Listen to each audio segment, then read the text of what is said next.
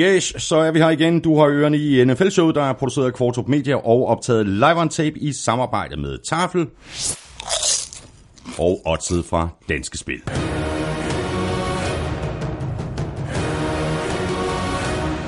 Der er ikke øh, så meget at sige til det. Programmet ligner sig selv. I dag der går vi de øh, fire divisional kampe igennem, og så ser vi øh, selvfølgelig også frem mod konferencefinalerne på søndag.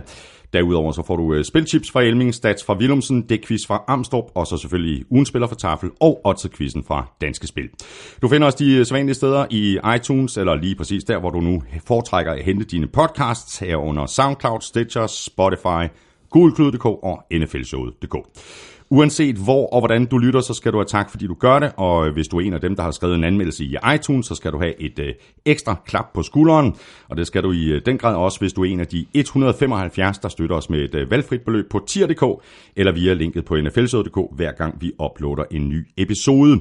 Og hvis du er med i den her tierklub, jamen øh, så er du også med i lodtrækningen om de sidste to billetter til Superfesten i Imperial, når vi trækker lod i næste uge. Jeg hedder Thomas Kvartrup, og her kommer min medvært.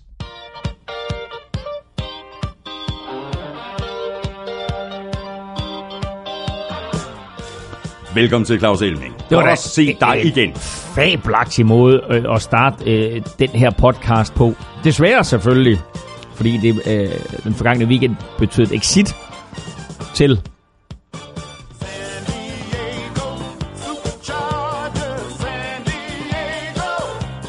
Chargers! Jamen lige præcis, og det var lige præcis derfor, at jeg valgte, at vi skulle øh, lægge ud med den her, fordi at man kan jo sige meget om Chargers, og man kan sige meget om deres indsats her i divisional-kampen. Det var ikke overbevisende, det kan vi vende tilbage til. Men det er jo så også dermed sidste chance, vi havde for at spille Chargers faktisk. Nej, vi kan altid jo. komme på et eller andet. Vi kan helt sikkert altid finde på en grund til at spille lige nøjagtigt den sang. Der er mange andre af de der fight songs, du spiller, der er lidt søgte. Øh, enten som sviner, eller bare du ved, hvor du har tænkt nogle tanker, som du er den eneste i hele verden, der har tænkt. Men den her, den kan man altid finde en grund til at høre. Ja, men du er selvfølgelig ret. Du er selvfølgelig ret. Hvad, øh,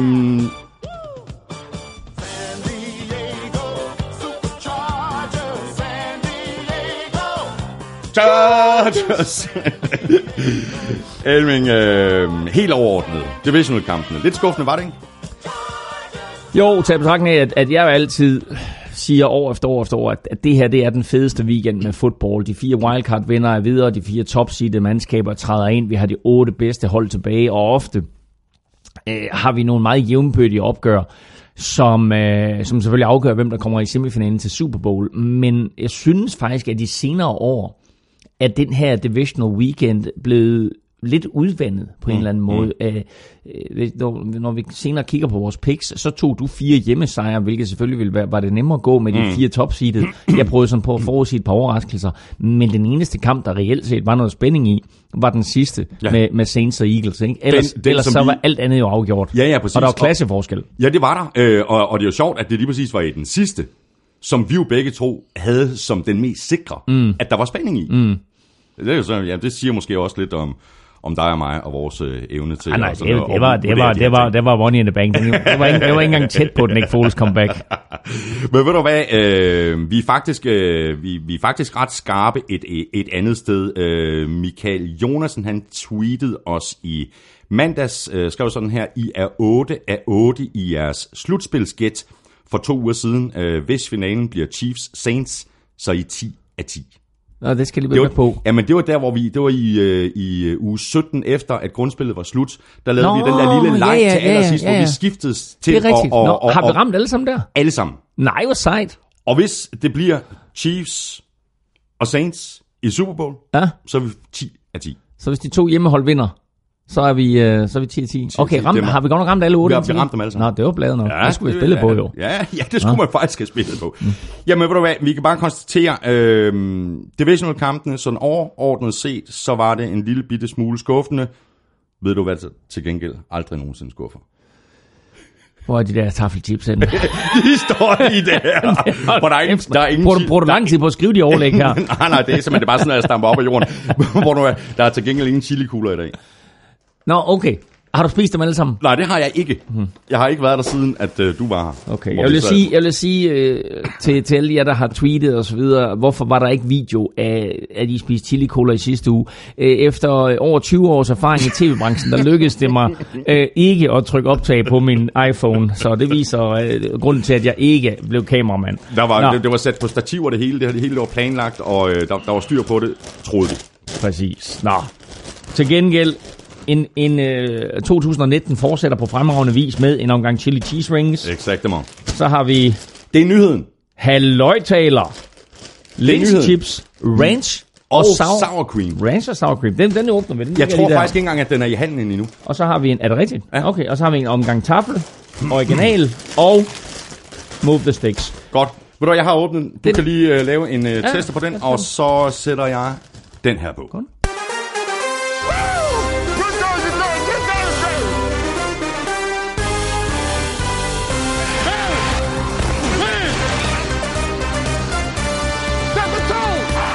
Det blev til fire hjemmesejre i divisional-kampen, og selvom man plejer at sige, at det er forsvarende, der vinder mesterskaber, så er det nu fire af de højst scorende mandskaber, der er tilbage og skal spille konferencefinaler.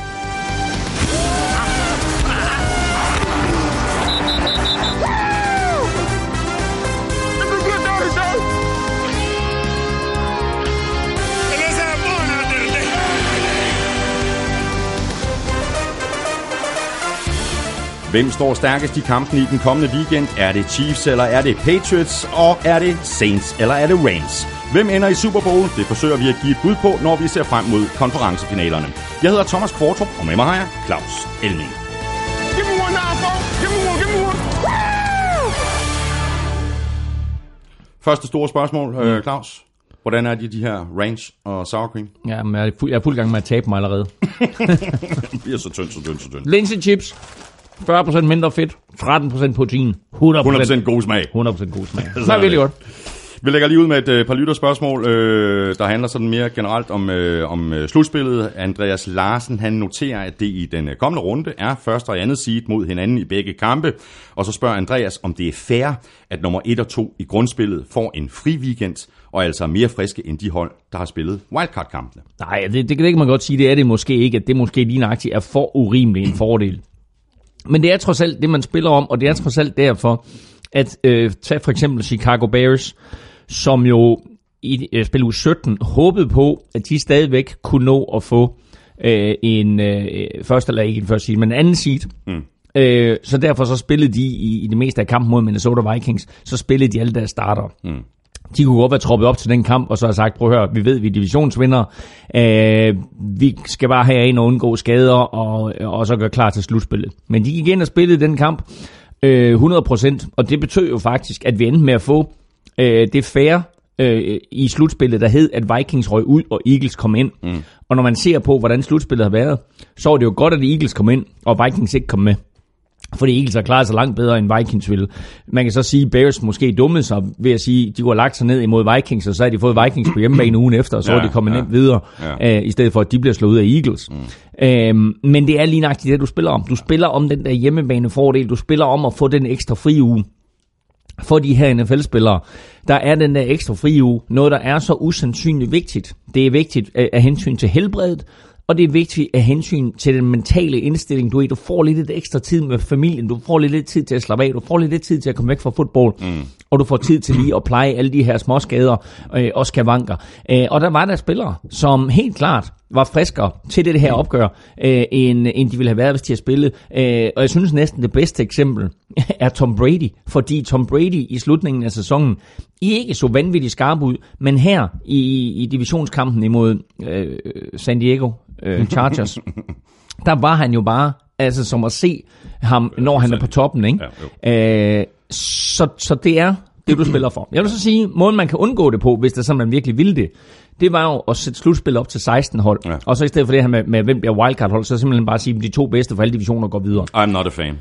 Nej, det ved jeg godt, og det er også måske for meget, fordi der er nogle hold, som så kommer i slutspillet, som ikke burde, burde komme i Ja, slutspillet. det er også sådan et eller andet med, at nå, okay, øh, flot, øh, du er i den øverste halvdel af, af, af, af ligaen, og så kan du sørge med at komme i slutspillet. Altså, så synes jeg, Nå, det er for ja, nemt, men ikke? altså, se på den danske ishockeyliga, der ryger alle ni hold i slutspillet, ikke? jo, jo, jo, jo.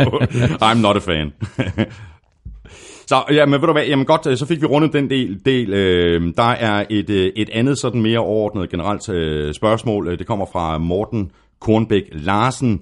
Uh, lidt langt, uh, men også lidt, uh, lidt sjovt. Uh, mens Patriots... Men, men jeg tager nogle tips. Ja, ja, det gør du bare. Mens Patriots er ved at kvæle, Rivers bliver mere og mere arg på NFL's komplet latterlige turneringsstruktur. Fordi de to bedste hold i konferencen spiller i samme division, skal det ene hold, enten Chargers eller Chiefs, partout straffes med femte seed, det vil sige to udekampe mod for eksempel Ravens og Patriots, mens det andet blot i en hjemmekamp skal besejre Coles eller lignende for at komme i finalen. Ydermere så bliver Patriots år efter år begunstiget af at spille i den ringeste division. Den struktur er usportslig og uset i anden topsport. Det er heller ikke sådan, at øh, Roger Federer skal besejre min mormor og Carsten nede fra poppen for at komme i en Grand Slam-finale, mens Rafael Nadal må spille mod Djokovic og Andy Murray. Det er du fuldstændig øh, ret i, Morten. Øh, fylder den her diskussion noget i USA, spørger Morten? Jamen, jeg tror faktisk, den er op at vende hver evig eneste år i lige nøjagtigt øh, de situationer, som vi har nu her, hvor Chargers har vundet så mange kampe, som de har. Fordi Chargers går 12 og 4 i den her sæson. Det samme gør Kansas City Chiefs, mens øh, altså, og Chargers ender der med 5. seed, fordi Chiefs vinder divisionen. Mm. Og anden seed er Patriots med, med 11 sejre, altså en færre end Chargers. Tredje seed er Houston med 11 sejre, en færre end Chargers. Og fjerde seed er Baltimore med 10 sejre, to færre end Chargers. Så på den måde, der kan man da godt sige, ja, Chargers har vundet øh, 12 kampe, og det i, i, en dag ved at ligge i division med et hold som Chiefs, der også vinder 12 kampe. Præcis. Altså det gør det faktisk nærmest sværere mm. at vinde de der 12 kampe. Ja. Øhm, men nu er strukturen en gang på den her måde, men jeg er sikker på, at i Los Angeles, øh, de få mennesker, der bekymrer sig om Chargers i Los Angeles, måske nærmere mere i, i San Diego, vil jeg er sikker på, at der stadigvæk ja. er mange fans i San Diego, mm. som bekymrer sig mere om Chargers, end de gør i Los Angeles. Der er jeg sikker på, at diskussionen har været der. Øh, jeg har ikke tjekket op på avisartikler, men jeg er helt sikker på, at der omkring, øh, da man gik ind i slutspillet, der er der nogen, som har, som har kigget på, hvordan øh, ville et slutspil være konstrueret. Ja. Hvis nu vi har haft, at, at Chiefs var etter, og Chargers var toer. Fordi så var det de to, der havde haft hjemmebanefordel. Mm. Så havde Chargers siddet over, og så var de så kommet ind til, til den her slutspilskamp. Og så skal man lægge mærke til, at så havde de jo så fået øh, en eventuel vinder af en wildcard-kamp, og var med stor sandsynlighed jo løbet ind i ikke Patriots. Ja, måske netop Patriots, hvis de, hvis de har været to år, så Patriots har været tre år. Mm. Så de kunne godt have fået Patriots, men så har de så fået Patriots på hjemmebane. Ja, præcis. Vi, og, så selvfølgelig med, og, så, og så selvfølgelig med en overside. Ja, ja, præcis. Lad os så, uh, Elming, høre op en, en lille tur i uh, trænerkarusellen og se, hvad der er sket, siden vi sad her sidst. Uh, Jets har hyret uh, tidligere Dolphins head coach Adam Gase som ny head coach.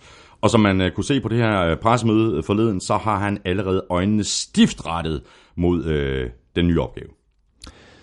Ja, ja, okay, jeg skulle lige se, hvad du mente. Ja, ja der var en, en, øh, en ganske interessant video, der florerede på internettet, hvor øh, han så ud som om, at han var på øh, alt mellem pot og kokain.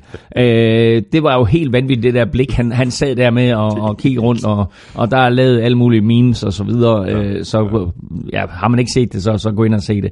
Øh, men han, han er blevet ny head coach, og øh, super spændende, og så har han jo så øh, øh her øh, natten til i dag sørget for, at... Øh, øh, den defensive koordinator bliver Greg Williams. Ja. Og det er jo også spændende. Som er kommet til for Browns. Præcis. Så øhm, nu har du altså en, en mand med øh, head coach erfaring på den offensive side, og du har en mand med head coach erfaring på den defensive side. Øh, så må vi håbe, at Adam Gase, han har lært noget i Miami, mm. og øh, at alle de gode ting, han blev hyret i Miami for, alt det gode, han gjorde, øh, blandt andet i Chicago, øh, at han ikke har glemt det, og at han stadigvæk har noget, da Iron, øh, eller general manageren for Jets, blev spurgt om, hvorfor lige var gay, så sagde han så, jamen, altså i interviewet, der var han bare så øh, overbevisende og imponerende, ja. Ja. at der ikke var nogen tvivl om, det var ham, vi skulle have. Um, så... Han er jo kendt som quarterback-viskeren. det, det lykkedes så ikke helt med, med, med Ryan Tannehill. Nej, men det var måske, øh, hvad skal jeg sige, mere Tannehills talent, det drejede sig om. Mm. Og det faktum, at Tannehill jo var skadet hele af tiden, ja. som gjorde, at de måske ikke fik succes dernede. Øh, nu kommer han til en meget, meget spændende by.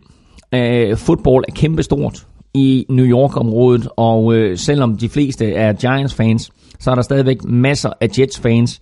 Giants er sådan lidt, hvad skal vi sige, de riges klub, og Jets er sådan lidt arbejderklubben. Mm. Og her kommer han altså ind, og vi må bare sige, at der sker interessante ting i New York i øjeblikket, fordi på den ene side, der har du Giants med Saquon Barkley og et, et forsvar, der begynder at røre på sig. Øh, her der har du et Jets-mandskab, ikke mindst med Sam Darnold Præcis. som øh, den nye store stjerne. Mm. Og kan Adam Gase tage ham og modellere ham, ja. og kan Greg Williams få sat skik, skik på det der forsvar, ja. så bliver Jets altså interessant at følge. Ja, ja. Og så er vi igen derhen ved, hvem er det hold, der overtager i AFC East for Patriots, når Tom Brady, han ikke er der længere. Og hvornår er det, Tom Brady, han ikke er der længere? Mm. Fordi Ja, og spørgsmålet er, ja. den dag, at Tom Brady han vælger at trække sig tilbage, ryger, Bel- ja, lige, ryger Bel- Belichick også. så. ja, præcis. Ja. Øhm, det, altså, det, det må tiden jo vise, men altså, øh, så længe den duo består, Belichick og Brady, så er de jo øh, totalt dominerende og alt ødelæggende. Mm. Øh, men på et eller andet tidspunkt, så er det der ikke mere. Og så er der et eller andet hold, der skal overtage. Og hvornår kommer den dag? Altså, der var mange, der mente, at, at det her det var Brady sidste år, sådan som han spillede i december. Mm. Det mindede jo meget. Ikke, det var ikke helt så slemt som at se Peyton Manning spille der i sin sidste december. Men det var der af. Han var ikke så skarp, han lavede interceptions, han lavede nogle dumme fejl, altså øh, virkede til tider også lidt skræmt. Øh, og det gjorde han ikke i divisionskampen imod Chargers. Der var han super skarp. Så spiller han på det niveau, og nu får han jo så en 7 måneders pause, inden han skal ud og spille igen. Ikke? Altså, så er han jo top tuner og klar igen, ikke? i en alder af 42. Mm, ja. øhm, så, men det er, det er selvfølgelig det næste store spørgsmål. Ikke? Er det Bills, der kommer til at overtage det Jets? Så har vi et kæmpe spørgsmålstegn med, med, med, med, med Miami. Hvad, hvad, hvad sker Ja, der hvad der? kommer der ikke? til at ske der? Der kommer til at ske mange ting. Præcis. Ja. Så har vi øh, tidligere defensiv koordinator for Bears, Vic Fangio. Han er blevet hyret som head coach i, øh, i Danmark. Øh, I mine øjne det helt rigtige. Øh, og på, på, på tide, at øh, Fangio han får chancen, øh, kommer så samtidig til at gå ondt øh, for, for Bears, der virkelig øh, mister en kapacitet. Ja, helt sikkert. Altså, han har jo øh, om nogen været mand, der har taget alle de her talenter, som de har i Chicago, og fået skruet dem sammen til et slagkraftigt angreb. Øh, slagkraftigt angreb, skide godt. Slagkraftigt forsvar, som har kunnet modstå øh, mere eller mindre alle de angreb, de er op imod, og i en, i en liga, som, som har gjort det så svært at spille forsvar, så har de jo været op imod øh, en masse øh, højtflyvende angreb, og øh, alligevel har de været i stand til at pille brøden af de fleste. Mm. Nu ryger Vic Fangio. Man skal stadigvæk mærke til, at der er masser af talent øh, i Chicago. Øhm, så forsvaret skal nok køre videre, men der er ingen tvivl om, at han har været hjernen bag det hele. Mm. Nu kommer han til Broncos og kommer ned og har faktisk en hel del talent at arbejde med her også. Mm. Skal lige have nogle vitale positioner på plads igen, så vi kommer tilbage til, til øh, den storhedstid, den var havde på defense der omkring Super Bowl 50, hvor de jo vandt. Øhm, men ellers så, så er jeg sikker på, at det her det er det rigtige valg øh, for Denver. Ja, som, kan, kan bringe noget, noget stabilitet, den stabilitet, som Elway har savnet, ikke? Jo, øhm, og så tror jeg også, at, øhm, at det her det er, en, øh, det her, det er en, en mand med en masse erfaring, som endnu ikke har været head coach, men bare har været rygtes i mange, mange år, at ja. nu var han klar og så videre. Mm. Og, og vi diskuterede jo her i NFL-showet for et par uger siden, om han overhovedet havde lyst til det. Ja. Om han var så glad for at være i Chicago. Mm. Men altså, det er trods alt øh, den sidste linje, du skal have på CV'et, det er head coach ja. På et NFL-mandskab, ja, ja. og den får han nu. Mm. Mere Broncos, øh, der har hyret Mike Munchak, og som øh, Anders Erbo Hansen, han skriver, det må være en fantastisk nyhed for Knappe at få O-line coach øh, i Munchak, som skulle være en af de bedste på sit felt. Men hvor tror I, at Knappes muligheder for at udvikle sig er størst? Jeg er helt sikker på, at Mike Munchak giver Andreas Knappe muligheder for at udvikle sig. Mike Munchak, han er øh, tidligere pro bowler på tight end, han er tidligere all pro på tight end, han er sågar valgt ind i Hall of Fame på tight end, så en stor, stor kapacitet som spiller, som har formået at tage de her evner, han havde på, bold, på, på fodboldbanen, mm. hvor dengang han spillede tight end, der var det meningen, man skulle kunne gribe og blokke, men ikke i den rækkefølge. Okay. Blokering var vigtigst, mm. og så skulle du også kunne gribe bolden. Helt old school. Præcis. Så al den her blokeringsteknik og alt det her O-line-spil, hvad enten det drejer sig om run-blocking eller pass-blocking, det er Mike Munchak en mester i, og han er også en af grundene til, at øh, Steelers offensiv linje igennem mange, mange år har været så god, som den har været, øh, og har været blandt de aller, allerbedste i år. Du kan se, det var lige meget, hvem de satte ind som running back dernede, så øh, fik vedkommende jo 100 yards, øh, og, og var jo uberørt 3-4 yards ned ad banen på alle spil. Nu kommer Munchak ind her, og øh, jeg talte kort med Andreas i går og, over Messenger, øh, og han sagde bare, at det, altså, det, bliver, se, han, det bliver super spændende. Øh, han er sindssygt dygtig, så tror da kun det bliver godt, øh, mm, siger Andreas til mig. Øh, Og så siger han, hvad det kommer til at betyde for mig, vil tiden vise. Vi starter forfra med at skabe relationer, ja. ligesom sidste år. Ja. Så øh, det er bare at suge til mig med, hvad der bliver coachet. Mm. Så er den helt rigtige øh, indstilling. Øh, og så spurgte jeg ham også omkring, om han havde hørt noget omkring offensiv koordinator. Øh, og omkring øh, systemer og sådan noget, så ja. sagde han så, prøv at høre, vi ved ingenting. Altså, nej, nej. Vi, vi bliver holdt fuldstændig udenfor, indtil noget er officielt. Of course. Så øh, ja, så øh, der sker også nogle spændende ting der, som jeg ved, at, at du ved mere ja, om. Ja, hvad det hedder, uh, for Niners uh, quarterback uh, coach Rick Scangarello, han skulle være i spil uh, og være favorit til at blive ny uh, offensiv koordinator i Denver. Det var ham, der, der spottede uh, Nick Mullins, uh, mm. som jo var undrafted, uh, altså så noget i ham, og det er måske også noget, som Elway kunne være interesseret i at få en mand ind i systemet, som har et godt øje for, jamen, hvor kunne vi finde vores næste quarterback, fordi det er jo ikke på plads i Denver. Nej, det er det ikke, og især ikke efter, at Elway var ude og sige, at øh, vi leder efter ja. en øh, quarterback til den lange bane, mm. og øh, dermed også sagt, at Case Keenum øh, er quarterback på den korte bane. Ja. så der er ikke nogen tvivl om, at de vil ud og have, have fat i en øh, superstjerne quarterback, og så øh, håber de jo så på at få, hvad hedder han, Skander, Skander, Scangarello. Scangarello. Øh, så håber de jo på, ved at få ham ind, at de også kan få noget af den her Kyle Shanahan-magi, ja, øh, ja. ind på angrebet. Det er jo vel at mærke ikke 100% sikkert endnu, at det bliver ham, Nej. men det lader til, at, ja. at det bliver ham, der bliver offensiv koordinator. Han er og er favorit lige nu.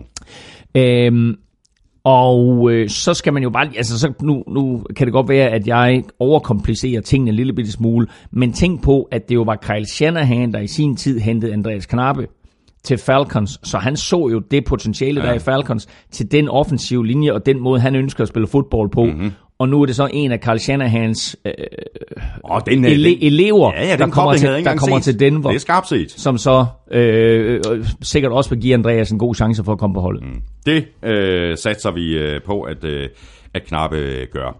Så videre til øh, Browns, der også har fået en ny head coach. Øh, de valgte så at promote internt og, og tage den tidligere offensive koordinator Freddie Kitchens og gør ham til, til head coach. Lasse Bøtner øh, skriver sådan her, at Browns ved at lave en Browns, i parentes, fucker op, når de nu ansætter en så uerfaren head coach i Freddie Kitchens. Manden har jo kun været øh, offensiv koordinator i kort tid. De var nok bange for at miste ham, men alligevel ser I det som en god hyring. Altså, man kan sige det på den måde, at det, den succes, der er bygget op på det her Cleveland Browns-mandskab i år, øh, med syv sejre, øh, og, en, og et enkelt nederlag, og faktisk var i spil til, slut, til slutspillet helt ind til, hvad spil u 15-agtigt. Mm. Øh, den øh, succes og, og den bølge, de red på der, den fortsætter de jo sådan set med, fordi de kunne have beholdt Greg Williams, eller de kunne have beholdt Freddie Kitchens, men jeg tror, med, med, med, med, med det de så for Baker Mayfield, og den måde han reagerede på ja, at komme ja. ind i det her Freddie Kitchens angreb, der tror jeg, det var det, der var vigtigst for dem. Freddie Kitchens var en meget, meget succesfuld high school spiller, en meget, meget succesfuld college spiller, øh, fik, så vidt jeg husker, chancen i NFL uden at slå til øh, men er en øh, offensiv-minded tidligere quarterback øh, med nogle øh, gode idéer og gode visioner, som passer mm. ind i alt det her, der sker i NFL i øjeblikket. Han ligner ikke øh, nogle af de her nye head coaches. De fleste af de her nye head coaches, der kommer ind, de er unge, de, er, øh, de, de, de ser godt ud, de er høje, de er slanke. Freddie Kitchens er lidt det modsatte. Han ligner sgu en, der har været på druk i 14 dage. yeah. Øh, og øh, han har åbenbart bare øh, stadigvæk altså fuldstændig suget til sig af, hvad der foregår i offensiv fodbold i øjeblikket, mm. enten det kommer fra college eller det kommer fra NFL. Øh, og, og, og det han fik gjort med det her angreb, og især med Baker Mayfield, var imponerende. Så jeg er sikker på, at det er derfor, at de vil fortsætte med det. Så valgte de så at lade Greg Williams gå. Mm. Øhm, og så har de jo så lavet et hav af trænerhyringer, som skal hjælpe Freddie Kitchens rigtig, rigtig mange spændende ting, der foregår i Cleveland i øjeblikket på coachingfonden. Uh, om de får op? Jeg håber det ikke. Vi kan ikke være sikre. Men jeg vil bare sige, at de har valgt ham her, efter at have interviewet et hav af personer, mm, mm. og de har trods alt set, hvad Freddie Kitchens kunne igennem 10 uger. Uh, og jeg er da sikker på også, at de har talt med Baker Mayfield og sagt, hvad synes du? Ja. Ikke, at det er Baker. Mayfield, der skal komme med beslutningen, men jeg er sikker på, at du ved, at de lige har luret stemningen. Men selvfølgelig vejer det, hvad Baker Mayfield han siger. Er, er, du, er du for Freddie Kitchens, mm. eller er du imod Freddie Kitchens? Og så er det jo helt tydeligt, at han har sagt, at han er for. Ja. Øhm, og øh, jeg tror, at det her... Øh, jeg tror, det her er, er det rigtige valg. jeg kunne godt have set dem gå i en anden retning og så sagt, nu, øh, nu, nu skifter vi hele muligheden ud, mm. øh, og, og, og så videre, og starter forfra, men... Det har de ligesom gjort et par gange, ikke? Det har de lige nøjagtigt gjort et par gange, og Jimmy Haslam, der ejer, kom jo ind for nogle år siden, og så sagde han, nu skal der være stabilitet, nu mm. skal det ikke være sådan en svingdør, hvor det sådan, at vi sender folk ind og ud. Og det var måske også netop derfor, at han var nødt til at sige, okay, vi holder fast i noget af det her. Øh, og da den eneste, kan man sige, øh, grundpille, som de har her, det er så Freddy Kitchens, fordi der netop, som jeg sagde før, er kommet nogle rigtig spændende personer ind på både den defensive side af bolden og den offensive side af bolden. Mm. Jamen der har vi uh, Todd uh, Monken, vi har Steve Wilkes. Altså Todd Monken var tidligere offensive coordinator hos Box. Han kommer, han kommer dertil nu. Rigtig, rigtig spændende. Det bliver stadigvæk Freddy Kitchens, der kommer til at kalde spil, men Todd Monken kommer til at hjælpe ham med at mm. designe plays, og har haft en stor hånd, Todd Monken, i, i det her eksplosive angreb, som vi har set for Buccaneers til mm. tider. Mm. Mm. Og så Steve Wilkes siger du, øh, ikke succes som head coach, men jo fin succes som defensiv koordinator for Carolina Panthers. Ja. Inden det, så spændende også, om han kan videreføre de her tendenser, som øh, Greg Williams lavede for forsvaret. Greg Williams er jo en hård nyser. Jeg er lidt i tvivl, om Steve Wilkes er på samme måde, så det, det jeg tror Steve Wilkes han skal, det er, at han skal overbevise de her spillere om, at hans system og hans måde at tænke defensiv fodbold på, ja. er godt. Mm. Men jeg tror også, nogle af de her forsvarsspillere for, øh, for Browns, at de har behov for noget pisk. Mm. Og så er der faktisk en, øh, en masse andre navne, der stadigvæk er i spil øh, forskellige steder i, i ligaen. Øh, Kubiak øh, til Vikings, øh, Hackett til Packers, John DeFilippo øh, skulle være tæt på, øh, på, på job Cardinals, og øh, Joe Philbin i spil hos Bills. Øh, der, der, der er stadigvæk en masse øh, puslespilsbrikker i, øh, i spil. Ja, det må man sige. Altså den der med Joe Philbin til Bills, det er også sådan en eller anden form for, for øh, offensiv øh, hjælperolle, mm. øh, assisterende head coach-agtigt et eller andet. Øh, John DeFilippo talte vi om, øh, og, og vidste ikke helt, hvad der var blevet af ham. Nu har han så angiveligt været til, øh, til jobinterview hos Cardinals, men de skulle så angiveligt være mere interesseret i den tidligere Giants head coach Ben McAdoo. Mm-hmm. Nu må vi se, hvad der sker dernede. Og... Øh, Vikings har hævet øh, både far og søn Kubiak ind. Gary Kubiak som øh, assistent til Mike Zimmer. Okay, jeg vidste ikke engang, det var dem begge to. Jo, og Clint Kubiak, ja, ja. søn ikke, som øh, quarterbacks coach. Så rigtig interessant, at se, rigtig interessant at se, hvad der sker der. Ja. Så Kirk Cousins får altså en uh, ny quarterbacks coach, og så er de faktisk også uh, en, en god gammel kending uh, af Kubiaks, uh, Brian Periani. Uh, han bliver ny Titans coach for Vikings. Mm. Så de har faktisk valgt at, at satse lidt i den der retning der. Mike Zimmer har sagt, okay, nu skal vi altså lige have lidt hjælp ind, ja. og man skal lægge mærke til, at Kevin Stefanski, som var i spil også til at blive Browns head coach, mm. han bliver altså i Vikings og forbliver okay. deres offensiv koordinator. Okay. Og så skal, skal vi lige øh, runde en, øh, en enkelt spiller, som der bliver ved med at være vilde rygter omkring, og det er selvfølgelig Antonio Brown, øh, og rygterne er ikke ligefrem øh, aftagende. Øh, det er i hvert fald meget tvivlsomt, om han bliver i, i Pittsburgh, og, og det, al den her snak om 49ers, Jets og så videre, hvor, hvor han favorit til at gå hen, jamen altså mere og mere peger retning af, af San Francisco. Jeg tror, øh, der er ikke øh, sagt fra San Francisco 49ers, at de decideret vil have ham, og han har ikke sagt decideret, at han vil til 49ers, men der er sket rigtig, rigtig mange ting på de sociale medier, og der er meldt mange kryptiske ting ja, ud, ja. som gør, at øh, der er vist interesse fra begge sider. Og så kom Jerry Rice med en interessant kommentar her den forgangne uge, nemlig at han havde talt med Antonio Brown, mm. og Antonio Brown havde sagt til Jerry Rice, for mange, mange år siden, der var der en, der havde Jerry Rice en legendarisk bakke, som han lå og trænede på, og man har set nogle gamle øh, videoer med ham, øh, hvor han ligger og træner på den her bakke, og når vi snakker træner, så snakker vi bare, at han løber op og ned den der bakke ja, der, ja. og det er sådan en anden fuldstændig voldsom bakke, der ligger i San Francisco-området, og kender mm. man San Francisco, så ved man, at det er sådan rimelig kuperet terræn. Exactly. Og den her bakke har han bare sprintet op og ned af, og det var en af måderne, han holdt sig i form på at kunne spille, indtil han blev 40. Mm. Og der skulle Antonio Brown angiveligt have sagt, jeg glæder mig, øh, og vil bare gerne komme ud at løbe den bakke sammen med dig. Ik- ikke løbe bakker sammen med dig, men løbe den, den bakke, bakke sammen den bakke. med dig. Han ja. vil have Jerry Rice til at vise ham den bakke, der gjorde, at han ja, ja, var i stand til ja. at holde sig i form og holde sig øh, kampklar i så mange år, på ja. trods af al den beating, man tager som, som receiver. Og så sagde han, Jerry Rice, at udover det, han også sagt, Antonio Brown havde fortalt ham, jeg vil bare gerne derud. Ja. Og så, som man siger på engelsk, pick your brain, altså simpelthen bare suge til mig af al den viden, du lægger ind med, al den erfaring, du lægger ind med. Mm.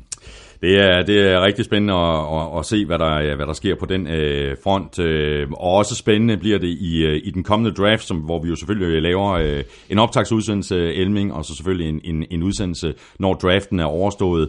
Øh, bare lige for en, en ganske kort bemærkning, så har Kyler Murray meldt sig klar til draften. Og, meget og det er ikke et helt uh, uinteressant navn. Det er et, et rigtig interessant navn, fordi han er quarterback for, øh, for Oklahoma, og uh, sidste års quarterback for Oklahoma, han hed Baker Mayfield, og han er jo som sagt, eller som bekendt nu i NFL.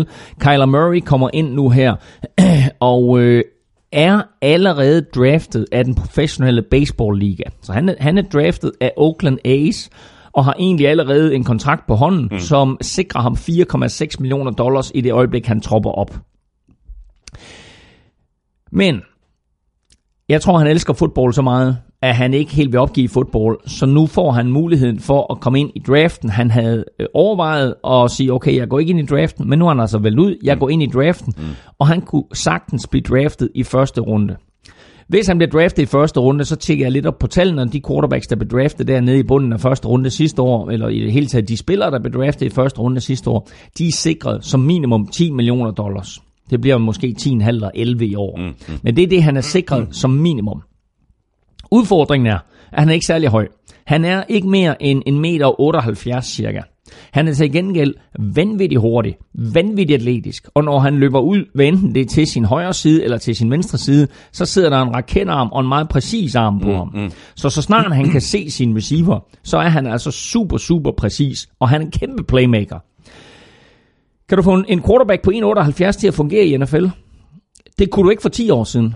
Men du kan faktisk måske godt i dag, med alt det her college-angreb, der mm, er kommet mm, ind, og mm. alt det her forvirring og alt muligt, der sker i backfielden, så kan du måske godt få en 1,78 ja. cm quarterback til at fungere. Jeg hvor, kan ikke huske, hvor er Breeze?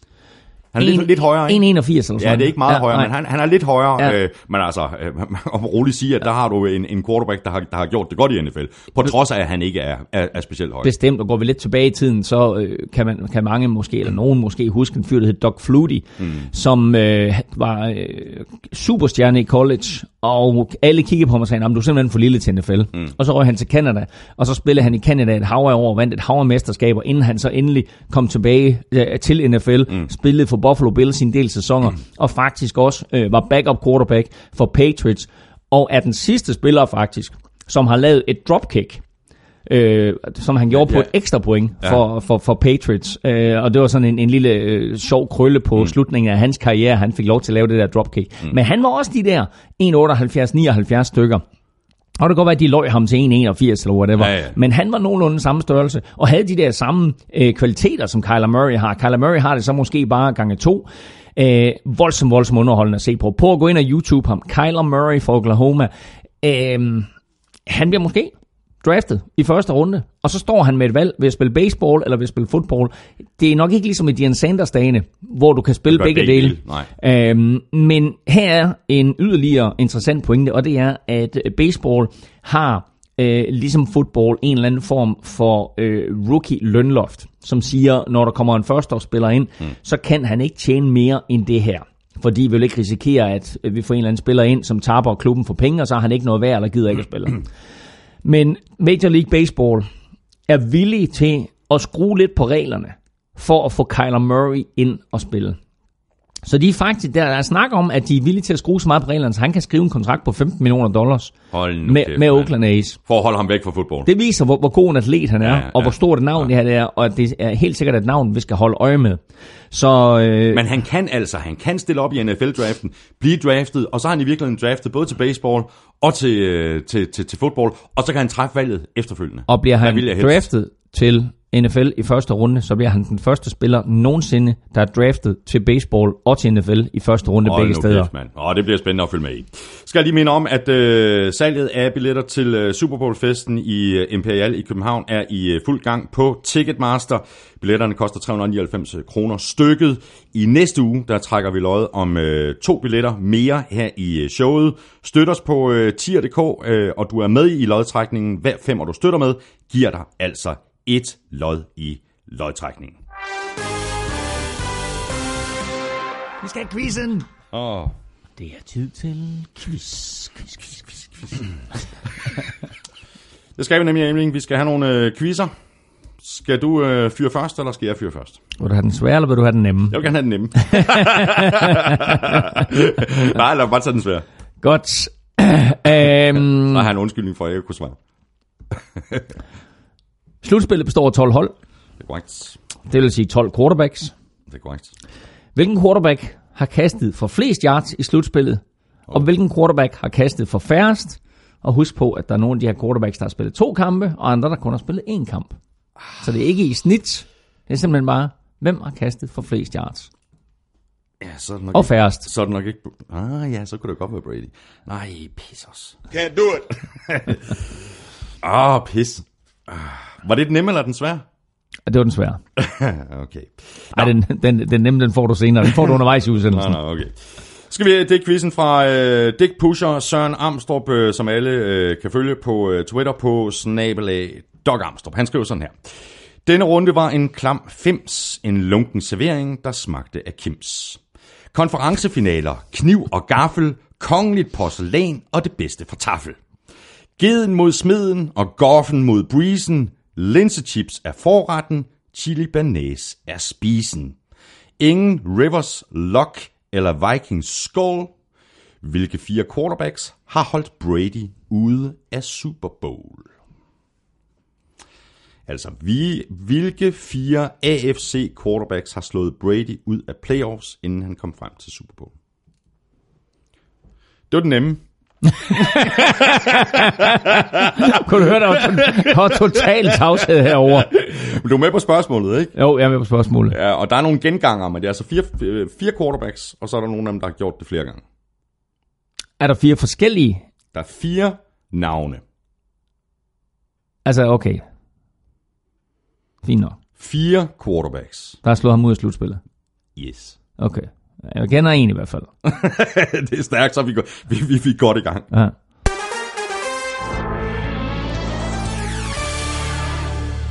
Og jeg skal øvrigt, øh, huske, husk lige at sige, at øh, Amstrup har skrevet øh, tak til Brian Nørmark, en af vores øh, gode og faste lyttere, der altså har sendt øh, Amstrup et tweet med infoen til den her quiz. Så øh, credit er hermed givet videre. Perfekt. Så hopper vi i øh, kampene, og i dag der tager vi dem ikke i den rækkefølge, de blev spillet. Vi tager de to øh, AFC-kampe først, så vi kan tale konference-matchup øh, bagefter, og på den anden side af ugen spiller, så tager vi så de to øh, NFC-kampe og matchuppet i den øh, kommende weekend der. Og det betyder, at vi øh, først hopper i Chiefs-Colts, øh, der endte med en sejr til Chiefs på 31-13, og Chiefs de trådte på speederen i øh, første kvartal, og de kom hurtigt foran med to touchdowns, og de så sig aldrig rigtig tilbage. Nej, det, øh, og det, det imponerende, det var jo, at øh, det som Coles gjorde ved Texans ugen inden, Exactly. det var det Chiefs, de gjorde ved Coles her. Ja. Og jeg synes, at, at øh, det som vi roste Frank Reich og Coles for i wildcard-kampen, nemlig at de kom ud fuldstændig uden frygt, mm. og bare øh, spillede offensiv fodbold og spillede på alle tangenter og øh, stak øh, nålen ind øh, der, hvor det gjorde ondt på Texans. Det var det samme Chiefs, de gjorde ved Coles her. Mm, mm. Og så må vi sige, at det mest overraskende i den her wildcard-runde, eller i den her divisionsrunde, var nok, at Chiefs forsvar var så stor en oplevelse, som det var, og var så dominerende, som de var. Der er faktisk et spørgsmål her fra Ja. ja. Markus Letten. Han skriver sådan her, Chiefs forsvar har været stærkt kritiseret hele sæsonen, men i kampen mod Coles så vi lige pl- lige pludselig et helt andet forsvar. Coles var 0 for 9 på tredje down uh, conversions, og de holdt Coles til kun 263 yards gennem hele kampen. Så er Chiefs forsvar bedre, end vi troede, eller ødelagde Coles det for sig selv? Um, lidt af det hele, vil jeg sige. Uh, med hensyn til det der med tredje downs, der er det mest interessante, det er jo sådan set, at uh, Colts førte grundspillet i NFL i at konvertere tredje downs til første down. Mm. Lidt under 50 procent. Konverteret 49 procent af, af alle 49%. Hvilket er, er, er, er rigtig godt. Det er helt vildt. Ja. Altså, øh, at konvertere 50% af dine, første, eller dine tredje downs til første downs, mm. det, er, det er uhørt højt. De er jo 0 for 9 imod Chiefs. 0 for 9 tredje downs. Altså, det, det, det giver slet ikke nogen mening ind i mit hoved. Så har de selvfølgelig fået nogle første downs på første og anden down, mm, men ja, hver eneste gang de stod med en tredje down mm. og skulle prøve at generere en første down, så lykkedes det dem ikke. Fantastisk af Chiefs. Chris Jones på den defensive linje. D. Ford og Justin Houston mm-hmm. på defensive ends. Fantastisk kamp af de tre. Øh, den bedste kamp, jeg har set af de tre sammen. Øh, og imponerende, at de var så gode imod den her offensiv linje for Colts, som vi har rost til skyerne. Ja, som jo kamp efter kamp efter kamp i grundspillet holdt, øh, holdt Andrew Luck fuldstændig ren i lommen, ikke? Altså det var uge For han havde fem, sagde, fem, fem kampe i træk undervejs, Ja. hvor han ikke blev sækket. Ja. Her var der konstant pres på, 3-6, 5 quarterback hits. ja, og øh, fik fremsvunget et par fumbles også, Ja, ja. og en, en meget vigtig en på et tidspunkt, som vi kommer tilbage til. Øhm, det var det ene. Øhm, det andet var, at øh, Chiefs på en eller anden måde også var i stand til at lukke ned for øh, T.Y. Hilton det meste af kampen. Mm. Og så den tredje faktor, som jeg, øh, jeg måske undervurderede, og det var, at det her det er et indendørshold, Colts, mm. som kom til Kansas City og skulle spille i kulde og i sne. Mm. Da jeg så vejret op, så tænkte jeg, au, au, au, nu får Chiefs svært ved at bevæge bolden, nu får Mahomes svært ved at kaste bolden. Men det var slet ikke det, det drejer sig om. Nej. Det, det drejer sig om, det var, at Coles blev ramt af kuldechok. Ja. Og det tror jeg faktisk, at jeg øh, og mange andre har undervurderet. Fordi du havde slet ikke den rytme på det her Coles-angreb, som vi har set så mange gange før. Det virkede lige præcis som om, at uh, Andrew Luck og angrebet var ude at synke. Altså, Luck spillede ikke sin bedste kamp i år. Det gjorde han ikke, men der var så også en masse tabte bolde og videre. Men det var, det var som om, at det var ude at synke. Det var det, og altså det, det, det starter sådan set med, at Andrew Luck kaster til en af sine me- mest sikre våben hele året, nemlig Eric Ebron, som, som taber ikke bare én bold, men to bolde i den her kamp. Øh, og derfra, der var det sådan ligesom om, at der, der følte man, okay, der er et eller andet her, der ikke er i harmoni på det her Coles-angreb. Mm.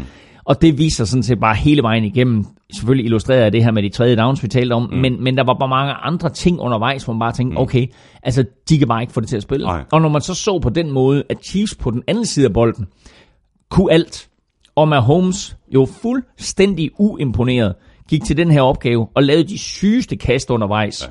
Ja. Øh, og bare spillede som om, at det var, det var 20 grader og solskin. Øh, og øh, Tyreek, minim- Hill selvfølgelig igen Ja, bare ja, viste, viste, at hans fart er umatchet i NFL. Ja, det er han virkelig. Altså, og, og Patrick Mahomes, der må bare sige, altså han har i hvert fald et spil i hver kamp, hvor man bare sidder og taber kæben. Altså minimum et spil, Ja, minimum. bare... Altså, jeg kan godt lide, at minimum. Ja. Ja. Der var tre i den her kamp. Ja, det var der. Øh, og, øh, og, og Colts øh, defense havde overhovedet ikke fast i, før, øh, fat i, i første kvartal. De får lidt bedre fast i andet, øh, andet kvartal og, og, og, og, og spiller på den måde øh, resten af kampen. Men pointen er bare, kampen var stort set afgjort efter første kvartal. Øh, Nej, kampen bliver afgjort der, hvor Chiefs jo kommer tilbage ind i kampen ved at få det der special teams touchdown. Fordi pludselig så er de inde i kampen der. Og der, hvor kampen så bliver afgjort, det er, at så siger Mahomes og company, fint nok, lad os nu lige sætte tingene på plads. Og så kører de hele vejen ned ad banen mm, mm. og scorer touchdown. Jeg tror, det er der, han løber den ind selv med Holmes. Men alt det der momentum, al den der energi, alt det håb, som Colts fik, lige med det der fantastiske store spil, de får. Et blokeret som de selv får fat i endzone, syv point. De har ikke kun noget som helst på angrebet. Pludselig så har de fået point på tavlen. Pludselig så er øh, føringen skrubbet ind for Chiefs. Jeg tror, det er til 17-7-aktigt mm. et eller andet, ikke? Ja, der står 24-7 ved, ved, ved, ved. Præcis. Det står 17-0 på det tidspunkt her. Så pludselig får de det touchdown. Så står det 17-7, og så føler wow. Ikke? Vi har været fuldstændig ud af det her. Nu er vi kun 10 point bagefter. Mm. Nu er vi tilbage. Og jeg sad og så tænkte, au, det var vildt nok det der, ikke? Mm. Og så kører Mahomes fuldstændig metodisk ned af banen, og ender med, at, at jeg som sagt, jeg tror det er den, hvor han selv løber den ind, øhm, og scorer til 24-7. Mm. Øh, så får Colts jo faktisk bolden, og når at køre hele vejen ned til mållinjen, og får den ikke ind, og så skal de sparke et chip shot, 23 yard field goal, Ja. og så brænder Vinatieri. Vinatieri. Kæmpe, kæmpe forskel på at gå til pausen bagud 24-7 eller 24-10. Gigantisk forskel, mm. rent mentalt. Og han misser også et, øh, et ekstra point øh, senere i, i, i kampen Vinatieri. Øh, jeg har bare lige nogle, nogle tal øh, for første halvleg. Øh, altså fu- fuldstændig dominerende første halvleg af Chiefs, i, i, hvis man sammenligner angrebene.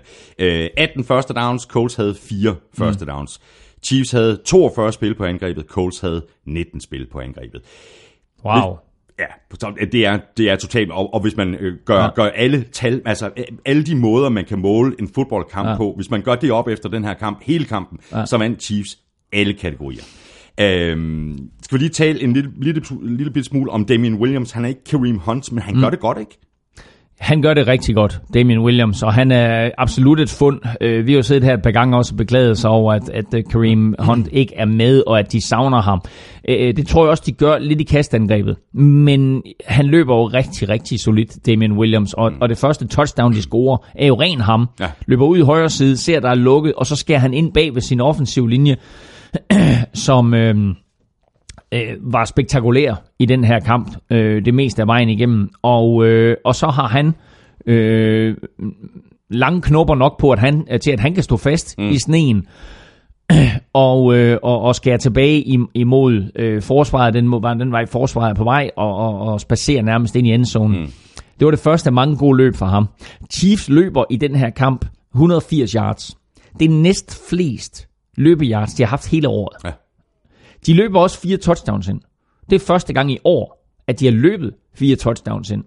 Så løbeangrebet var meget markant for øh, Chiefs. Jamen, Holmes kaster ikke et touchdown. Han i den her kamp. Han, han kaster ikke et touchdown. Han kaster tre i løbet af, eller 50 i løbet af grundspillet. Kaster altså ikke et øh, her i, øh, i den første playoff-kamp. I det hele taget vil jeg lige sige omkring den offensive linje, at hvis du kigger på de fire mandskaber, der vinder, så er det de fire mandskaber med den bedste offensive linje. Ja. Øh, og så er der nogen, der vil sige, ah, Eagles offensiv linje, øh, er, der, er der bedre end, end Saints offensiv linje? Ja, måske på papir, men jeg synes faktisk, den måde, som de spillede på, mm, mm. Saints offensiv linje, øh, og den måde, de har spillet på hele året, mm. at, øh, at der er de rigtig dygtige. Læg mærke til, at de her fire kampe, alle sammen blev vundet i skyttegravene. Det var de hold med de fire bedste offensive linjer, og det var de fire, der fik det bedste spil fra den defensive side. Mm. Øh, fra den defensive linje. Så øh, meget markant så stor betydning, at, at de her store drenge, når, når vi alle sammen taler om, om superstjerner, der kaster bolden eller kigger ja, på bolden, ja, ja, ja. Øh, så er det stadigvæk de store drenge op foran på begge sider af bolden, der afgør, ja. øh, der afgør kampen. Ja. Lille krølle på, på uh, Chiefs, før vi uh, skal tale matchup, når vi har, har, har talt den næste uh, kamp mellem Patriots og Chargers. Det er, at uh, de havde tabt seks slutspilskampe hjemme i træk. Det her det var deres øh, første slutspilssejr øh, på hjemmebane, siden de slog Steelers tilbage i wildcard-runden den 8. januar 1994. Ja, en, en lille sjov ekstra ting øh, med hensyn til, øh, til, til Vinatieri der. Uh, som du siger, der brændte både et uh, field goal og et ekstra point. Og det er, at uh, der kom et rigtig, rigtig sjovt tweet fra Teddy Bruschi. Mm. Uh, eller ikke, undskyld, fra Charles Woodson var det. Okay. Teddy, Teddy Bruschis tweet kommer vi tilbage til senere. Charles Woodson, som jo var manden, der fremtvang den her fumble i sin tid fra Brady, som blev kaldt tilbage for The Talk Rule. Mm. Vinatieri får chancen for i en uh, snevaskamp at udligne imod Raiders i AFC-finalen. Det er der hele det her Patriots-dynasti, det starter. ja. Patriots kommer ind, rydder sneen, han sparker den ind, kampen går i overtid, sker en gang mere i overtid, Patriots kommer ned ad banen, der kommer en eller anden ind med en kost, fejrer sneen væk, sådan en, en feje, feje bil nærmest, ikke? Mm. fejrer sneen væk, Vinatieri kommer ind, fuldstændig vanvittigt vejr, vanvittig sne, vanvittig vind, han hammer dem ind, og de er altså over 40 yards begge de her to field goals. Mm. Mm. Charles Woodson skriver bare et tweet, da han brænder det field goal der, skriver han bare, Now he misses. fra 23 yards, ikke? ja, præcis fra 23 yards. Uh, fuldstændig vanvittigt. Skal vi lige uh, slå en krølle uh, og binde en sløjfe på, på Colts uh, sæson? Det er vel mere en godkendt sæson for Colts og for Frank Reich. Det er øh, en godkendt sæson, ikke kun spillemæssigt, men også i hele forberedelsesfasen op til den her sæson. For det hele her, det starter i draften, hvor øh, de får fat i Darius Leonard, mm de får fat i Quentin Nelson, Præcis. og de får fat i Braden Smith. Det er tre unge spillere, som de hiver ind i de to første runder. Og de tre har i den grad øh, sat deres aftryk på Colts i den her sæson. Darius Leonard og Quentin Nelson er i øvrigt de første to rookies, altså de første holdkammerater på hver sin side af bolden, som bliver valgt til All-Pro. Altså ikke kun til Pro Bowl, mm-hmm. men til det her hold, som vi gennemgik i sidste uge. Alle de bedste er de bedste. De er det første, øh, der er blevet valgt til det siden 1965, hvor de to spillere, der blev valgt, de hed Dick Butkus og Gale Sayers, altså den legendariske linebacker for Chicago Bears, Dick Butkus, og den legendariske running back, Gale Sayers, som jo begge to er i Hall of Fame. Ja. Det er så lang tid siden, det er sket. Så imponerende arbejde i draften af Frank Reich og company. Lidt held skal der til, men også bare godt set. Mm. Øh, jeg tror ikke, der var mange, der havde regnet med, at Darius Leonard han ville få den sæson, Nej. som han fik. Der var jo mange, som sagde inden draften, at Quentin Nelson rent faktisk var den bedste spiller i den her draft. Mm. Men selvfølgelig så skulle vi lige have de der quarterbacks væk først, og der var et par andre spillere, som gik. Og så ligger han der, øh, Quentin Nelson, på, jeg tror det er pick 5 eller pick 6, som, øh, som de tager ham med Colts, ikke? Ja. Øh, og det var de selvfølgelig jublende lykkelige for. Øhm, Så er der masser af ting at bygge videre øh, for, øh, altså, øh, med i, i, for, for øh, Frank Reich, og altså ikke mindst, så har du altså Andrew Luck, der er tilbage for fuld styrke. Andrew Luck er tilbage og kunne sagtens vinde Comeback Player of the Year. De har ekstra draft pick i anden runde i den kommende sæson. Og vel at mærke, det hold af alle, der har flest penge tilbage under lønloftet her til den kommende sæson. Mm. Så de kan gå ud også og fuldstændig mm. smadre free agency. Ja. Rigtig, rigtig interessant at se, hvad der sker med det her Colts mandskab. Og så har øh, Colts øh, pick nummer 26 i draften, øh, og så har vi Chiefs, der er videre til øh, AFC-finalen hjemme på Arrowhead mod Patriots. Fordi Patriots er nemlig også videre. Øh, de mosede hen over Chargers i en øh, fuldstændig ensidig affære. Og som jeg øh, sms'ede dig øh, på et tidspunkt under kampen, hashtag metodisk. Du svarede så lidt øh, senere tilbage med et øh, hashtag pinligt. Og det fortæller vel i virkeligheden meget godt, øh, hvad det her det var for en kamp. Øh, Patriots, de var metodiske, og indsatsen fra Chargers var nærmest pinlig. Det var i hvert fald en enorm skuffende kamp. Jeg havde set frem til den her kamp. Jeg havde håbet på, at Chargers kunne noget. Jeg havde måske endda også forventet, at de kunne noget. Og jeg havde på ingen måde set komme, at de skulle være bagud 35-7 ved pausen. Det var fremragende spil af Patriots, men det var også lidt deres egen skyld, Chargers. De havde et par muligheder undervejs for at begrænse den her Patriots-føring, og øh, de havde et par muligheder undervejs i første halvleg for også at komme tilbage. Øh, der er på et tidspunkt, hvor Patriots øh, bliver stoppet. Jeg tror, det står 14-7 på det tidspunkt. Måske endda 7-7. Ej, det er nok 14 foran 14-7 Patriots på det tidspunkt. Øh, kører bolden ned ad banen, har tredje down, får ikke en første down, og så bliver Chargers kaldt for øh, illegal hands to the face. 5 yards straf, ny første down, Plæget efter, der scorer Sonny Michel. Bum, 21-7. Så bliver det også 28-7, og så stopper Chargers Patriots en gang mere. Patriots skal ponte, og så fumbler Desmond King bolden. Patriots får fat i den, i øvrigt et spektakulært play. Og igen, altså nogle gange så er det de helt små, basale ting, der afgør kampe. Og nogle gange der er de helt små detaljer, der er coachet, som afgør kampe. Og der er ikke nogen tvivl om, at den Patriots-spiller, nu kan jeg faktisk ikke huske, hvem det er, som kommer ud, ud og får fat i den her bold, han er godt klar over, at jeg skal ikke røre sidelinjen. Mm. Så der er masser af andre spillere, som kaster sig ned over den der bold der, og så ryger de ud over sidelinjen, inden de har fået kontrol, og så er bolden stadigvæk på Chargers hænder. Men mm. den her Coles, eller den her Patriots-spiller, kommer ned, får lige nøjagtigt fedtet bolden til sig, sørger for, at han ikke ryger ud over sidelinjen. Sørg for, at der ikke er nogen øh, kropsdel overhovedet, der berører sidelinjen og får fat i bolden. Og da det så bliver set igennem efterfølgende på video, så siger de, det her det er Patriots bold, mm. første down. Mm. Lidt senere, touchdown, 35-7 ved pausen. Bum, over and done with, Ja, ja, kamp forbi. Lad os få de sidste 30 ja. minutter spille, ja. lad os så komme hjem og ja. gøre klar ja. til øh, AFC-finalen. Jakob Hansen spørger, hvad var I mest imponeret over i kampen mellem Patriots og Chargers? Øh, De offensive eller defensive spilkald for Patriots, eller måske mindst imponeret over de manglende justeringer defensivt for Chargers? Det er øh, igen så dejligt nemt at kunne sige, det var lidt af det hele. Øh, defensivt for Patriots vil jeg sige, jeg var vildt imponeret over, hvor effektive de var. Jeg var vildt imponeret over, hvor meget pres de kunne lægge på øh, Philip Rivers. Jeg var vildt imponeret over den måde, de efter første kvartal var i stand til at dække op ned ad banen på. Og i det hele taget var jeg vildt imponeret over, at de øh, i den grad var i stand til at holde øh, Los Angeles Chargers angreb uden nogen former for produktivitet efter mere eller mindre det første drive. Ja. Offensivt for Patriots. Nej, lad os, lige, lad os lige tage den. øh, Jo, lad os bare tage den offensivt for Patriots først. Chargers havde succes imod Baltimore Ravens med syv defensive backs. Den kamp havde Bill Belichick øh, set, og så havde han sagt, "Nå, men det er da fint nok. Hvis I kommer og gør det der mod os, mm. så skal I bare se løjer. Mm. Og vi har så tit talt om, at øh, hold skal finde en identitet på angrebet. Vi nævnte jo, at du ved, at Titans ikke rigtig kunne finde deres identitet, og da de så endelig fik gang i Derrick Henry, så var det deres identitet. Og vi snakker om andre, der skal have en identitet. Patriots, de er mega skizofrene. Og det er vel at mærke planlagt skizofreni. Exactly. Fordi de tager det der angreb der, og så former de det sådan, ligesom de har lyst til, til den enkelte uge, til den enkelte weekend, til den enkelte modstander.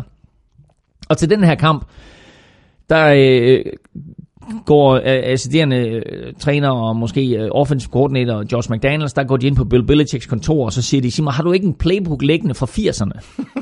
Ja. Og så siger Bill Belichick, jo, det har jeg nok ikke, og du ved, og så hiver han sådan en eller anden gammel Bill Parcells playbook frem, ikke, du ved, og så siger han, prøv, prøv at kigge på det her, der er noget med nogle eye formations og noget double tight end set og sådan noget. Ja, ja, præcis. Og en masse screens og, øh, og så en masse Jo, men det var ikke så meget det. Det var mere det der med, at de bare stillede op med i, i en E-formation med James Devlin, øh, James Devlin foran enten Sonny Michel eller James White, og så to tight ends. Altså det er sådan noget, du så af New York Giants under Bill Parcells i, i 1980'erne, hvor de bare hamrede bolden op i ansigtet på modstanderne, og det var det Patriots de gjorde i den her kamp.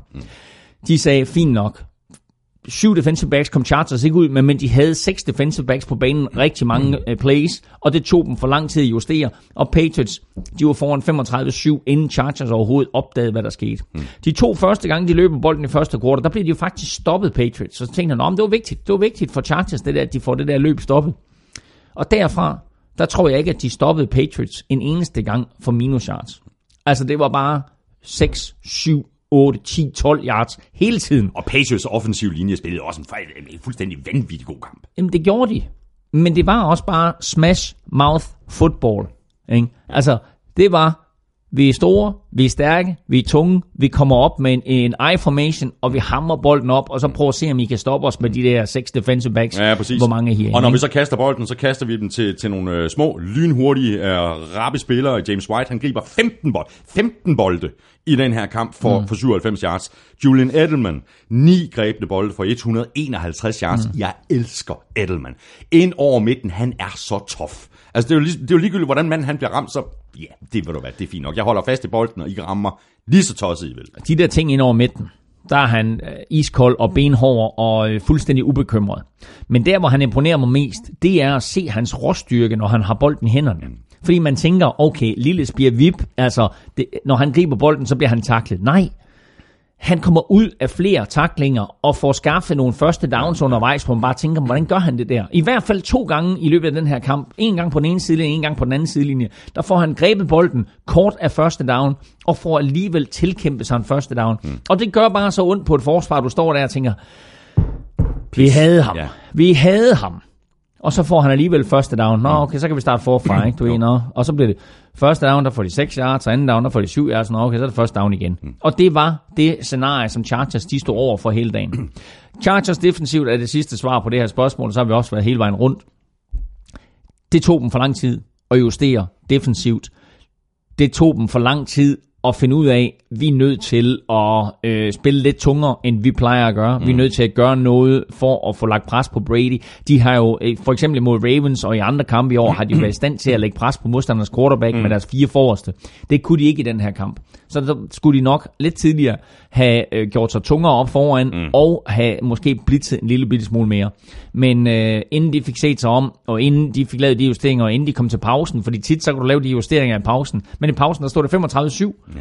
og så er det helt andre Og det, og det, er rigtig svært, det er rigtig svært at sige til spillerne. Nu skal I bare gå ud og forestille jer, at der står 0-0 på, på, på scorebordet. Ja. Ikke? Og du kan se det allerede på ansigtsudtrykkene i første halvleg på Philip Rivers. Ja. Ikke? Altså, da det bliver 28-7, og det bliver 35-7, du kan se på hans ansigtsudtryk. Pis. Så er det han, var, han, han virkede både opgivende, og han virker også øh, frustreret øh, undervejs i den her kamp, slå ud med armen, og ville gerne have flag for det ene og flag for det andet, og også i situationer, hvor, hvor det var helt tydeligt, at der skulle ikke kastes noget flag, hvilket der så heller ikke blev.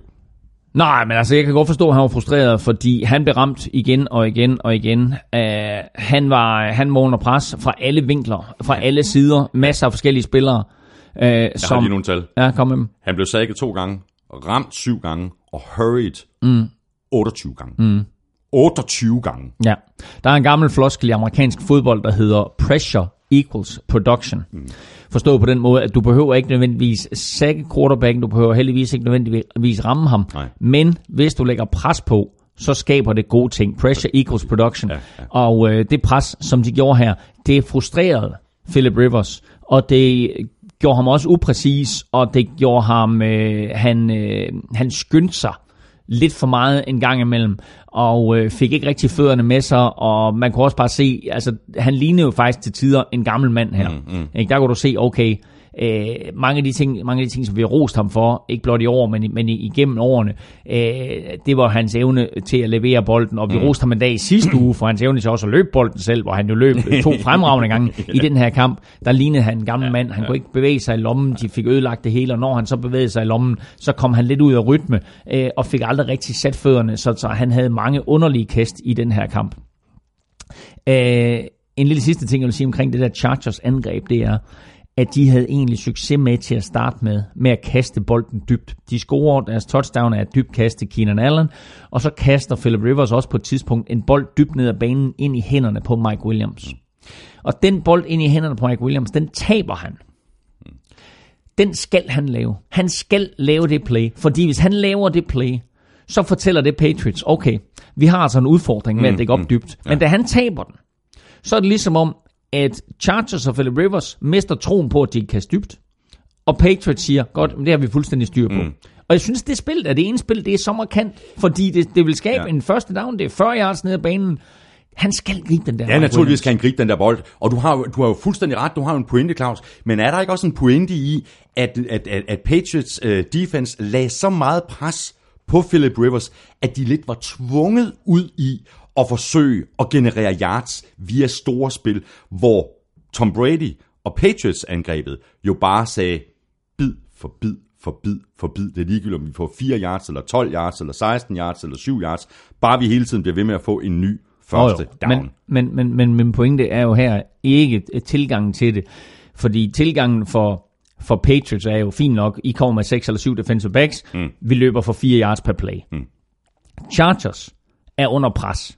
Det vil sige, i det øjeblik, at Patriots kommer med den type pres og den måde at spille på, så vil der være mulighed for at ramme de dybe spil. Mm. Så skal de blive ved, og så er det kunne døde med os en pligt for de der receiver ned ad banen og gribe bolden. Fordi når du gør det, mm. så tvinger du Patriots til lige pludselig at trække fire mand tilbage, mm. i stedet for at de kan nøjes med at have to mand tilbage, og så to sådan halv tilbage, og så syv op foran.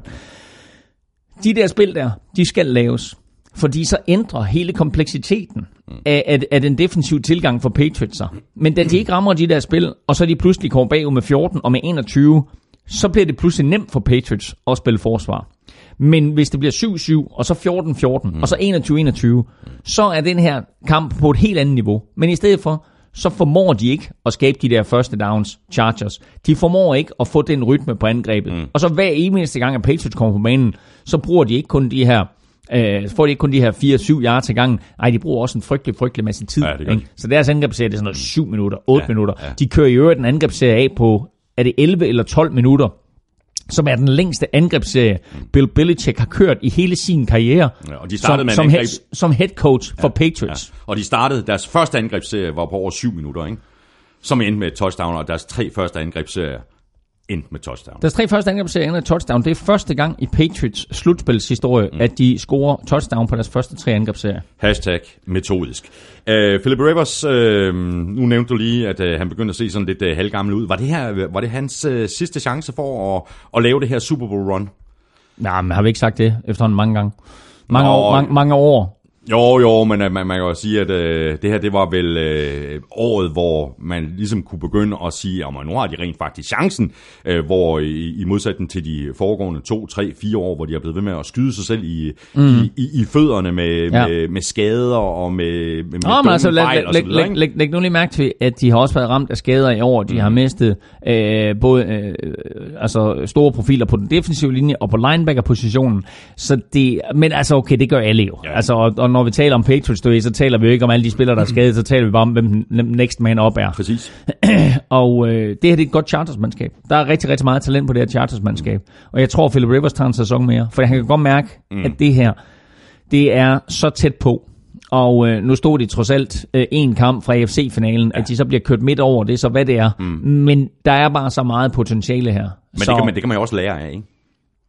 At blive kørt over så tæt på at kunne komme, øh, komme i Super Bowl. Selvfølgelig, selvfølgelig, men altså læg mærke til også ikke, at, at uh, Melvin Gordon, er skadet i den her kamp. Det er der ikke nogen tvivl om. Han, Nej, han stiller op til den her kamp med to knæskinner på, mm. og de der gange, hvor de forsøger sådan nogle løb på ydersiden, hvor han normalt vil være hurtig nok til at komme rundt om hjørnet, og i hvert fald få positive yards, altså ikke nødvendigvis et, et, et stort spil, men i hvert fald en 2-3 yards, der bliver han taklet for minus 2 eller minus 3. Ikke? Så det- alt det der, det, det blev ødelagt for dem. Ikke? Så øh, markant skade også, at, at Melvin Gordon havde ude. Ja.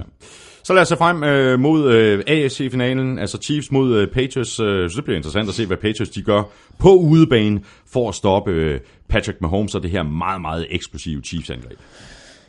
Ja, altså hvis der er nogen, der kan øh, forvirre en ung quarterback, så er det helt klart øh, Bill Belichick og hans tropper. Der er der ikke nogen tvivl om, at de her i, i den her uge her, øh, der vil Brian Flores, øh, som er defensiv koordinator, sætte sig ned sammen med Bill Belichick.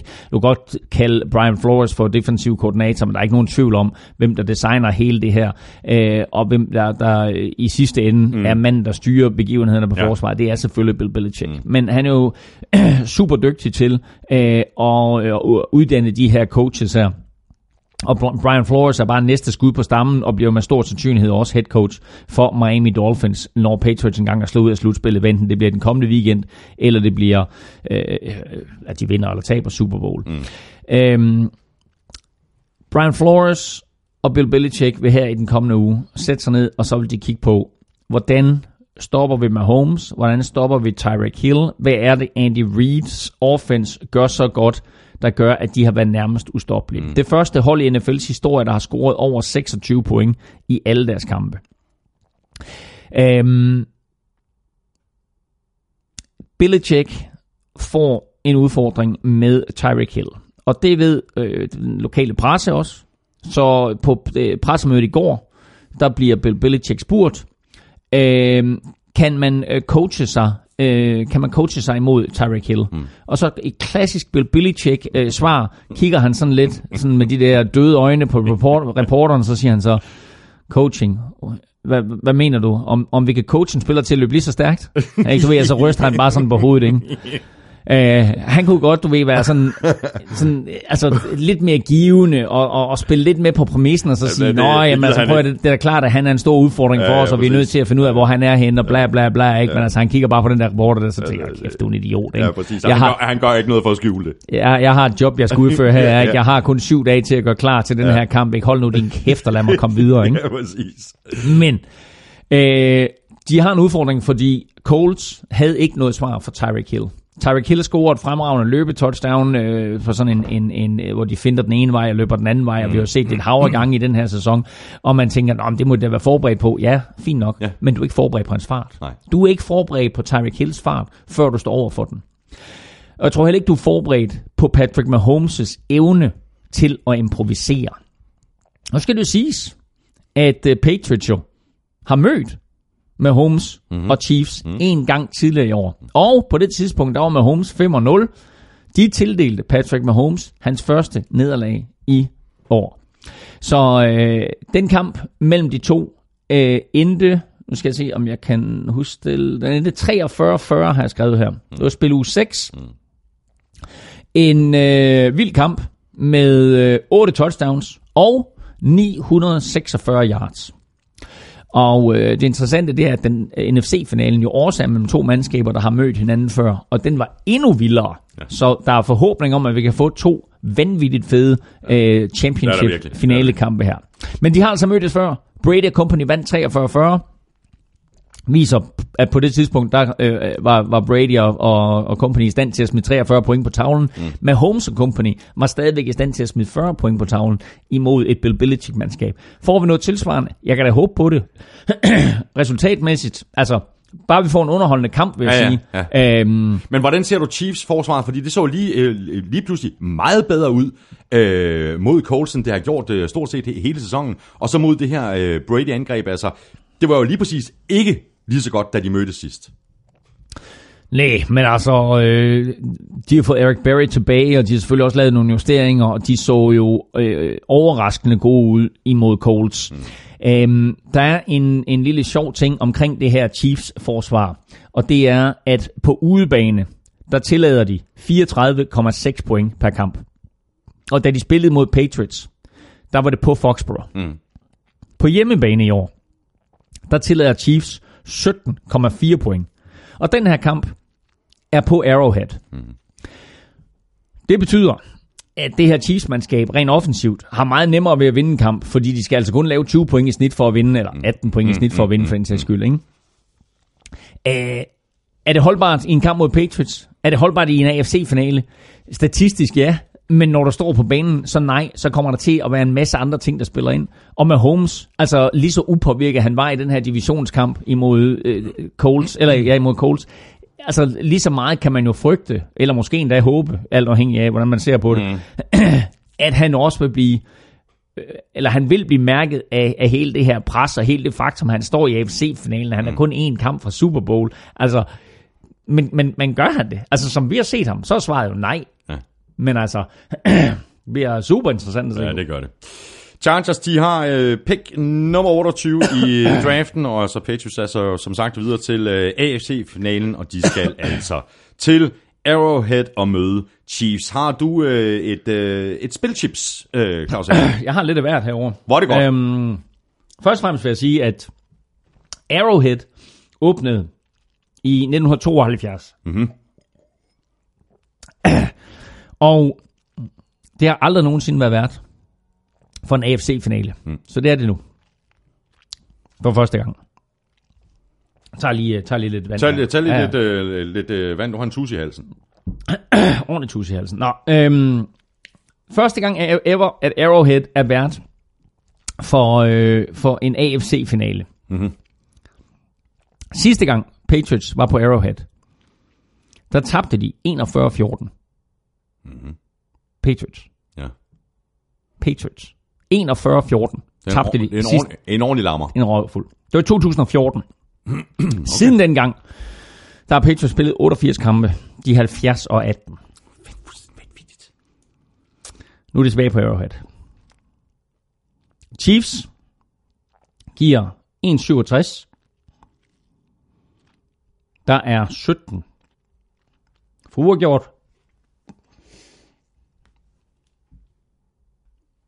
Du skal lige, øh, du skal lige hoste af, Elming. tak. du rækker bare hånden op, når du er klar. Jeg er klar igen. Sådan der. Vi kommer fra, øh, fra Spilchips. ja, nå. Ja, det... det er ubehageligt at få sådan en tus i halsen. Ja, ja, det var vist det. Jeg tror, det var en chip. um, nej, hvad hedder det? Uh, odds. Uh, rimelig tæt opgør det her. Um, Kansas City Chiefs er favoritter på Arrowhead. Der er 1,67 på Chiefs. Mm. Så er der 17 mhm. på uh, uafgjort. Og så er der uh, odds uh, 2,30 på, at New England Patriots vinder. Det er det første gang... Altså i, i regulær spilletid? I regulær spilletid. Ja. Det her, det er øh, første gang i 68 kampe, at Patriots ikke er favoritter. Crazy. Det er da fuldstændig vanvittigt. Er det ikke sindssygt? Og det er fuldstændig, så, det er fuldstændig sindssygt. Så odds 2.30 på, øh, på en Patriots sejr på udebane over Chiefs, kunne jeg godt finde på at, øh, at smide lidt penge efter.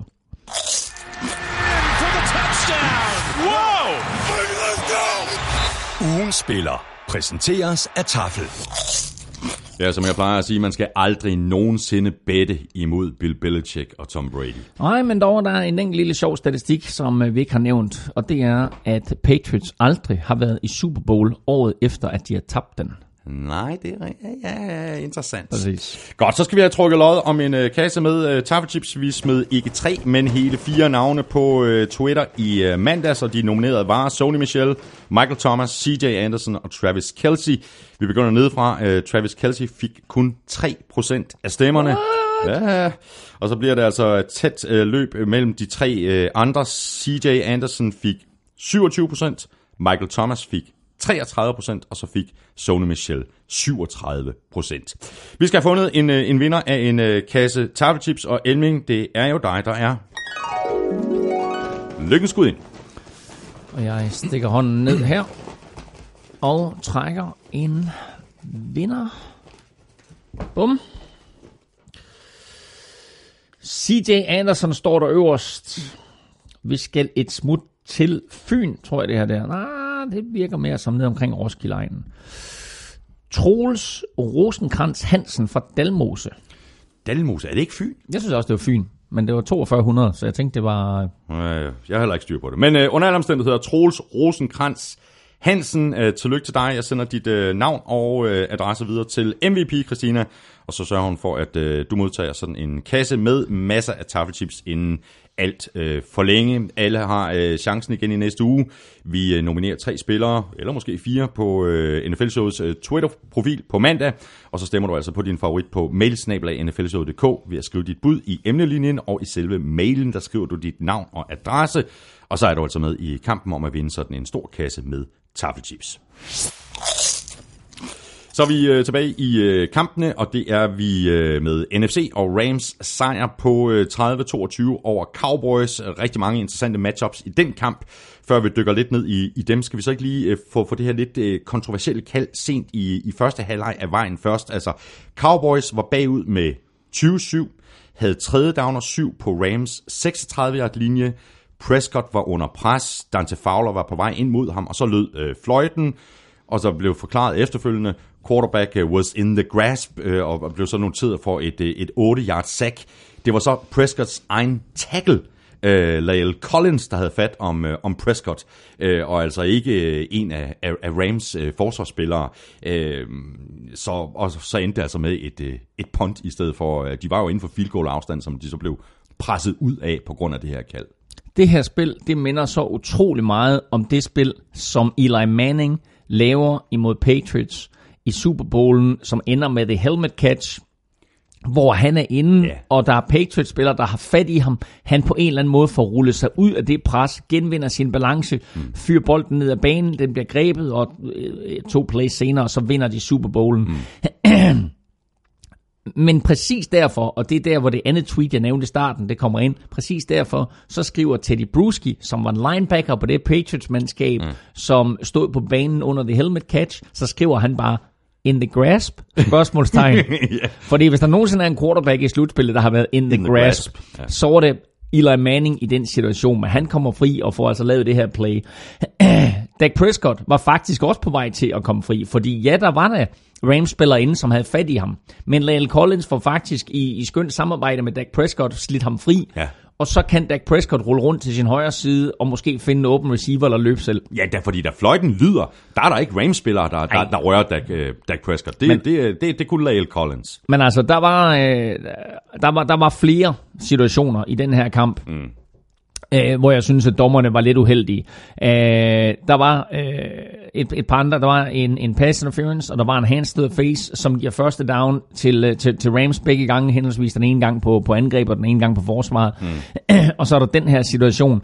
Og vi skal ikke sidde og, og svine dommerne for, øh, for deres præstationer, fordi øh, det går så stærkt derinde, og øh, man skal tage en, en lynsnar beslutning.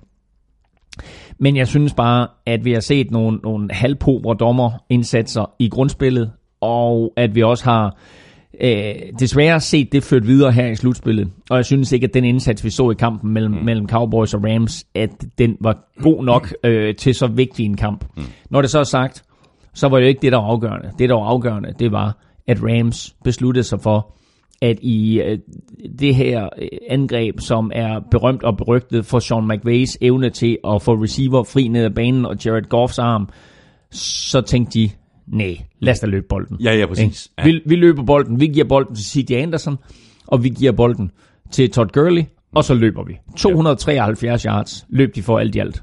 Mod et, et hold, som holdt Seahawks til 73 yards på jorden i forrige uge.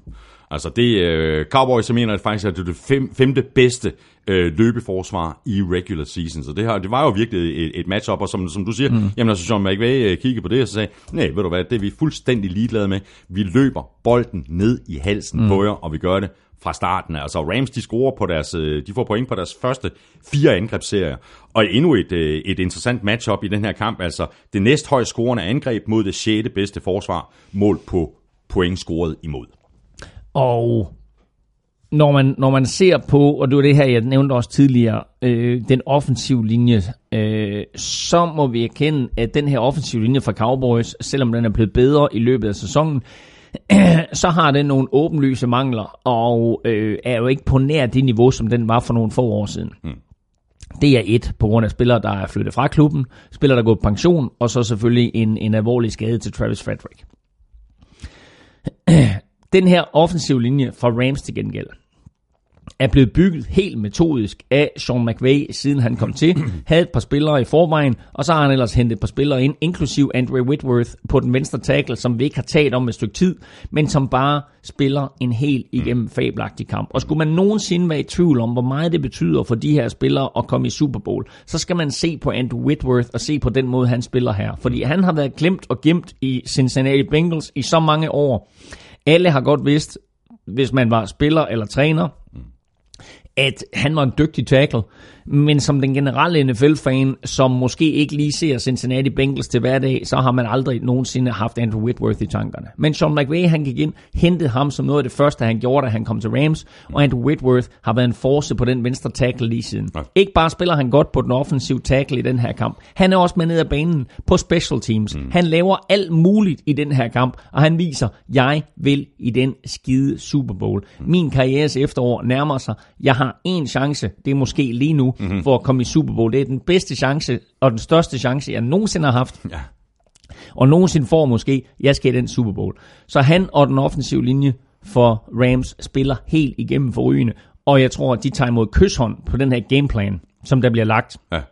Og siger, fair nok, skal vi løbe bolden, så løber vi så bolden. løber vi bolden. Og det gør vi uh, rigtig, rigtig effektivt. Og en spiller, som jo så også lige pludselig har fået chancen for at komme i en Super Bowl, som han tidligere på året i hvert fald ikke havde nogen chance for, det er en CJ Anderson, som løber for 123 yards og to touchdowns. Og ja, jeg elsker at se den mand løbe. Det er simpelthen som en bowlingkugle, ikke? Øh, jo, han er, øh, altså, han har set det meste af sæsonen udenfor, og det synes jeg godt lidt, man kan se på hans kropsform. Uh, han ser ikke ud, som om han er helt i form. Men benene bevæger sig, og uh, måske er det endda en fordel for ham, at han er lidt tungere, end han mm. er normalt. Mm. Uh, men han har jo haft en interessant sæson, fordi han bliver jo kottet af Broncos inden sæsonen. Så bliver han samlet op af Panthers, men bliver ret hurtigt bænket, mm. og så bliver han fyret. Så bliver han samlet op af Raiders, øh, får 0 snaps. Han er, han er ikke engang på banen. Mm. Mm. 0 snaps, bliver fyret der, ryger hjem, sætter sig på sofaen, spiser taffelchips. ikke linsechips. så bliver han hentet ind som erstatning for, Ram, for, for Gurley, da, da, da Rams har brug for det, ja. og det er en midlertidig løsning. Ja. Som nu bare har vist sig at være en del af den permanent. permanente løsning. Tre kampe. Ja, tosser man. 149 yards til snit, og fem touchdowns. Ja. Til gengæld så havde øh, Cowboys, og det er jo så tilbage til det, som du øh, talte om lige øh, for lidt siden, Cowboys offensiv linje, som ikke er, hvad den var for ganske få år tilbage. De havde svært ved at få løbespillet til at fungere med Ezekiel Elliott. 20 løb for, for 47 yards og et, et enkelt touchdown. Og dermed var presset jo så lagt over på Dak Prescott, Uh, simpelthen fordi løbespillet ikke genererede de, de, de, de yards, som man skal have for at kunne få kastespillet også til at fungere. Ja, og, og igen, altså en, en ting, som vi talte om i sidste uge, og som måske var mere markant for den her kamp end noget andet, det var jo det her faktum, at Alan Hearns blev skadet og alvorligt skadet, og han ikke var derude øh, til at kunne gribe bolde. Øh, Amara Cooper får en god start på den her kamp og griber et fremragende touchdown. Øh, Michael Gallup har et par, par grebne bolde. Øh, tight enden, uh, rookie tight enden Jarvin øh, er også med i første halvleg. Mm. Øh, men der mangler bare noget eksplosivitet, og der mangler noget ekstra øh, til at gøre, at der bliver plads til Ezekiel Elliott. Når det så er sagt, så er det jo ikke kun offensivt fra Cowboys, at øh, det er jo ikke kun deres skyld. Det er også den defensive linjes skyld for Rams. Mm. og som vi øh, nævnte et par gange, så den offensive linje og den defensive linje i de her fire kampe her var, var meget, meget afgørende. Og jeg har ikke set den defensive linje for Rams spille så godt, på noget tidspunkt i år, som den gjorde i den her kamp. Vi fik de der klassiske store spil af Aaron Donald. Han er altid inde og lave et eller to eller tre eller fire store spil i alle kampe.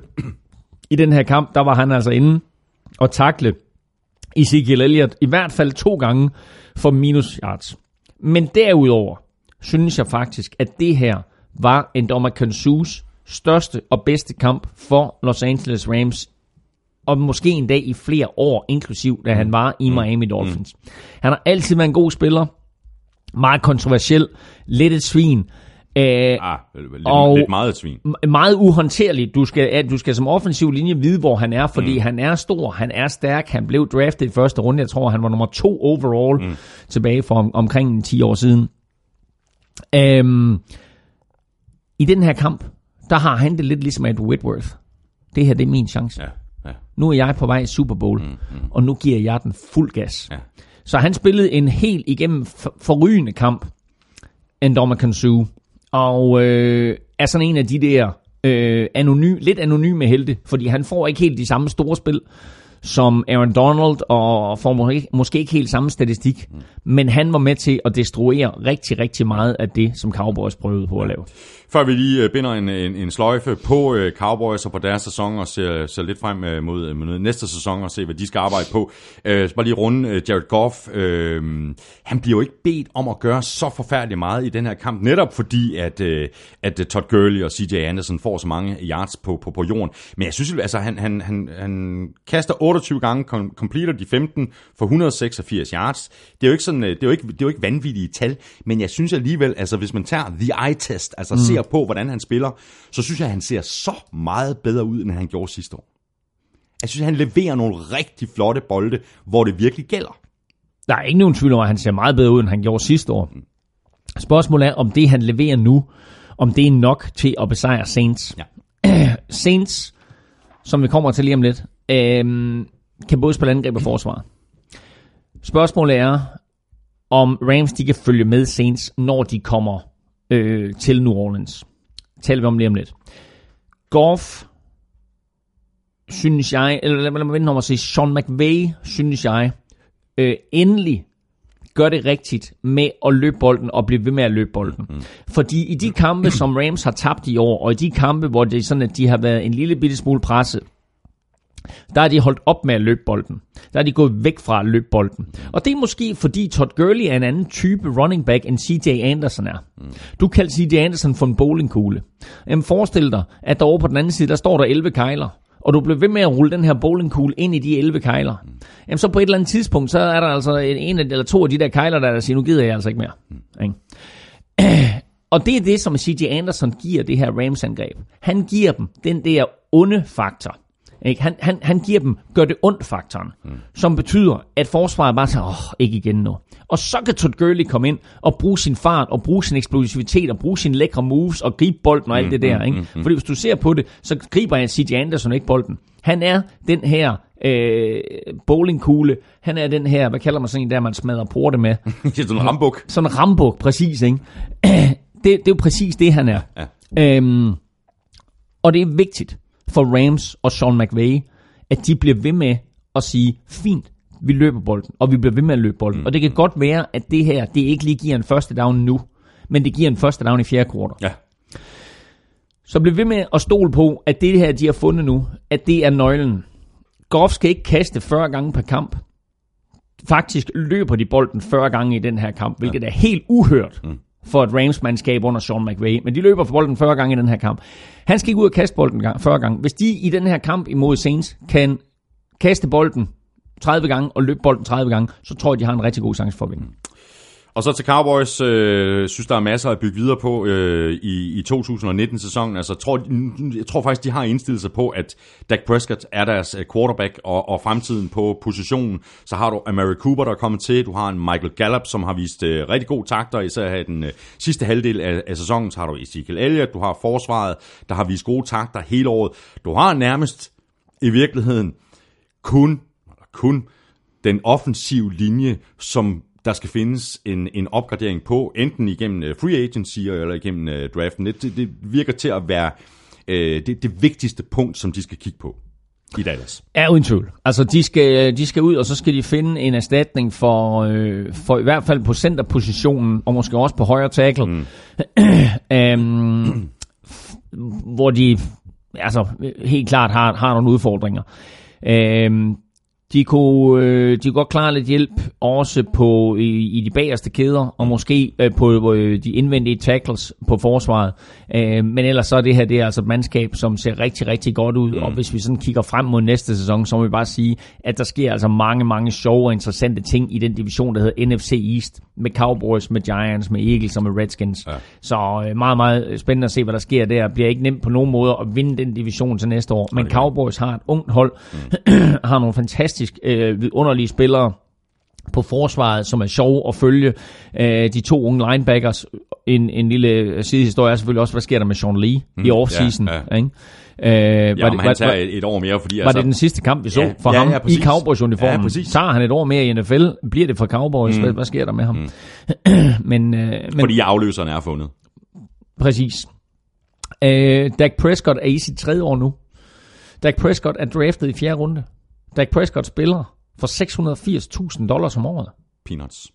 Det er peanuts. Mm. Ikke? um, de her to quarterbacks, der spiller mod hinanden, er jo altså, hvis du ser på det, Goff øh, er jo draftet etter overall. Jeg tror, han fik 28 millioner dollars for fire år, ikke? så han, han får 7 millioner. Men det er stadigvæk også peanuts, sammenlignet med de store kanoner. Hvis du ser på, på de seks højst lønnede quarterbacks i NFL, så er der ikke, de der er ikke, nogen, der er ikke nogen af dem i slutspillet. Nej. Øhm, så det er mange unge quarterbacks, og så er det et par gamle. Der er selvfølgelig nogle af de her drenge, der tjener store penge. Men, øh, men Dak Prescott er en, øh, en, en, altså er deres quarterback fremadrettet, og så sparer han dem jo for en frygtelig masse penge. Det er klart, at det kan godt være, at de indleder nogle kontraktforhandlinger med ham inden den kommende sæson, ja, og så ja. siger fint nok, vi ved godt, at vi har dig på 680.000 til næste år. Mm. øh, de har jo ikke den her, han er ikke draftet i første runde, så det er ikke den her femteårs option på ham. Øh, så derfor så er han kontraktfri efter næste år. Så jeg forestiller mig lidt, at de går i gang nu her med at skabe en ny kontrakt til Dak Prescott, ja, og så sige, ja. fint, du har faktisk bevist for os, ikke mindst her, ja, så vi vil faktisk i, godt, i en afgørende del af sæsonen, ja. og i slutspillet, at du er vores quarterback præcis, for fremtiden. og det vil vi godt vise nu, i stedet præcis. for at vente det der år, og så spare de der penge. Ja. ja, lige præcis. Cowboys, de har jo ikke øh, noget øh, pick i øh, første runde. Det brændte de jo af, da de øh, sig til øh, Amari Cooper fra Raiders. Derfor vælger de først deres første spiller med pick nummer 58 i anden runde. Rams er, øh, som vi alle ved, videre til øh, NFC-finalen ude mod Saints. Og så er vi øh, fremme ved den sidste af ugens fire kampe, hvilket var den øh, mest underholdende, som vi også talte om indledningsvis, øh, Claus, og det var den kamp, vi følte os mest sikre på. Vi havde begge Saints til at vinde. Øh, det gjorde de så også. Øh, 2014 endte kampen. Det var Eagles, der kom øh, klart bedst fra start. 14-0 stod der før Saints øh, overhovedet kom i gang, og der skulle, øh, der skulle ske noget på banen, før at hjemmepublikummet også vågnede op og rent faktisk endte med, sådan følte jeg det i hvert fald, da jeg sad og så kampen, endte med at blive en, en, en ikke uvæsentlig faktor for Saints i, øh, i deres comeback i den her kamp. Altså, øh, den her kamp blev afgjort af Marshawn Lattimore.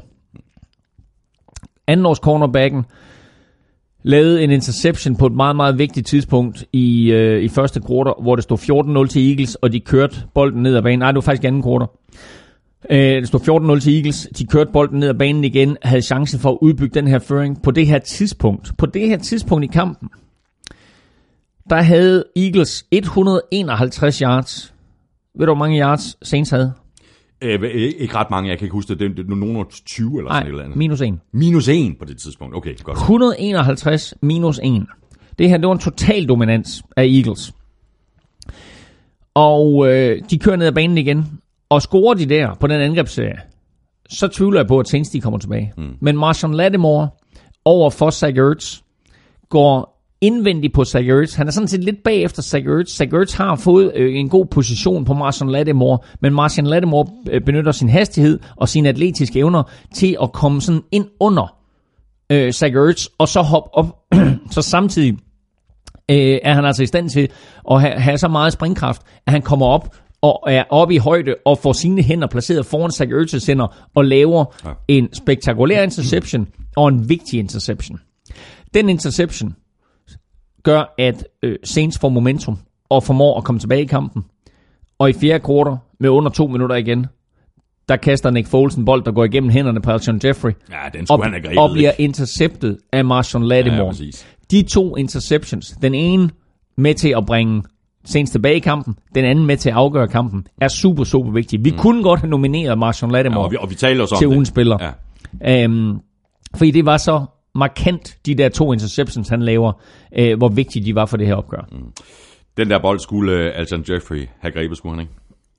Jo, det skulle han, og øh, han var jo lidt sindig nok til for øh, en måneds tid siden at sige, at øh, han havde de bedste hænder i hele verden. Mm.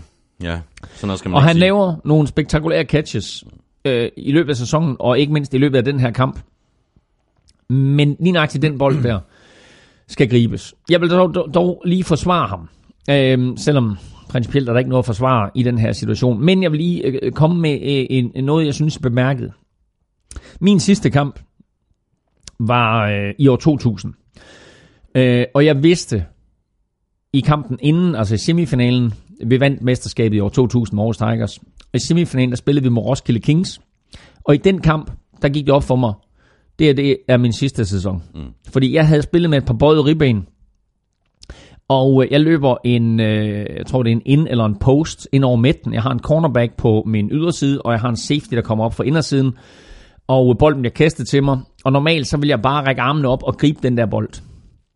Men jeg rækker min højre arm op, og så holder jeg sådan min venstre arm lidt nede med albuen, sådan For til at at bes- beskytte, for- for at beskytte for at beskytte min ribben. Ja. Og jeg får ikke samlet hænderne.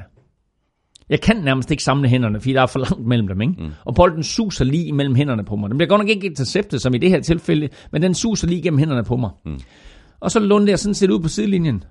Og så stod jeg på sidelinjen, og så tænkte jeg, det der, det var et spørgsmål om frygt. Det der, det var et spørgsmål om at beskytte sig selv. Det var et spørgsmål om mm. at sætte sig selv foran bolden, og foran holdet, og foran sejren, og foran den første down. Mm.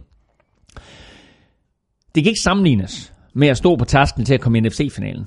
Men jeg synes bare, at når jeg ser på Alton Jeffrey, så trækker han sig en lille bitte smule, og det er præcis den samme måde, han holder sin venstre albue på, som jeg holdt min venstre albue Ja, på. ja, ja. Hvor den sådan lige, er du ved, lige en lille bitte smule, du ved, man siger, okay, jeg skal lige beskytte mig, fordi jeg ved, der kommer et stort skrald.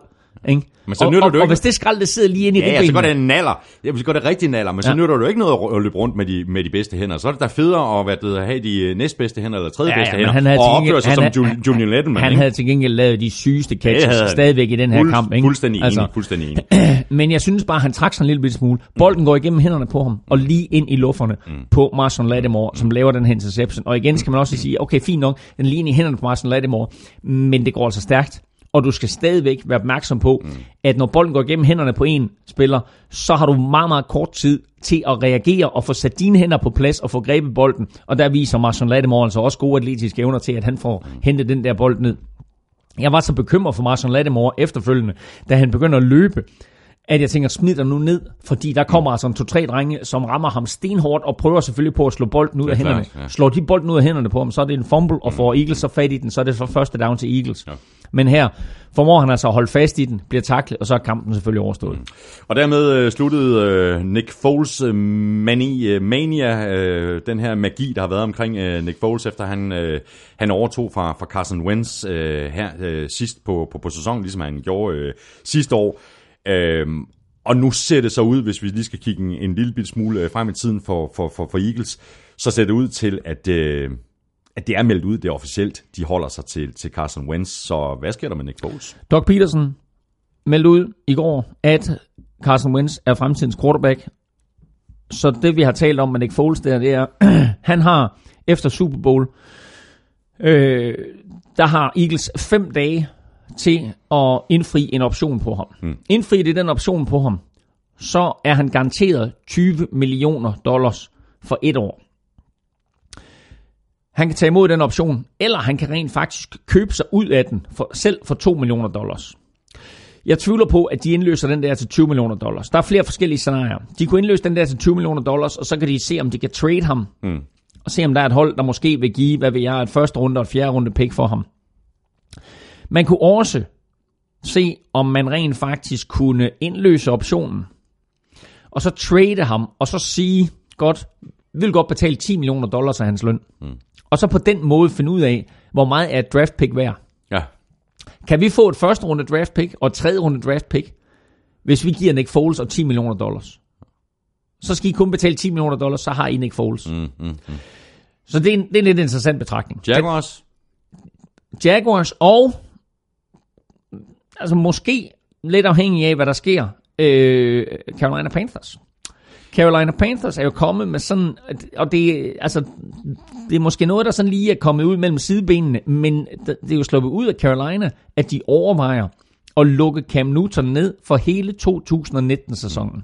Cam Newtons skulder er så medtaget, at vi er ude i, at han skal opereres igen, og måske skal lukkes ned, og måske så vælger de at sige, hvis vi skal have ham her på den lange bane, så opererer vi ham nu, og så holder vi ham ude i 2019. Så er vi ude i, i en Andrew Luck-løsning. vi er præcis ude i en Andrew Luck-løsning. Øhm, og så kan man sige, var, var det klogt at lade ham løbe så meget? Nej. Var det klogt at lade ham blive derinde så længe? Mm, Næppe. Mm, mm. Øh, han har undgået en operation. Jeg tvivler. Men altså i hvert fald, så er situationen lige nu der. Man skal lige holde øje med, hvad der sker nede i Carolina, og hvad der sker med Cam Newton.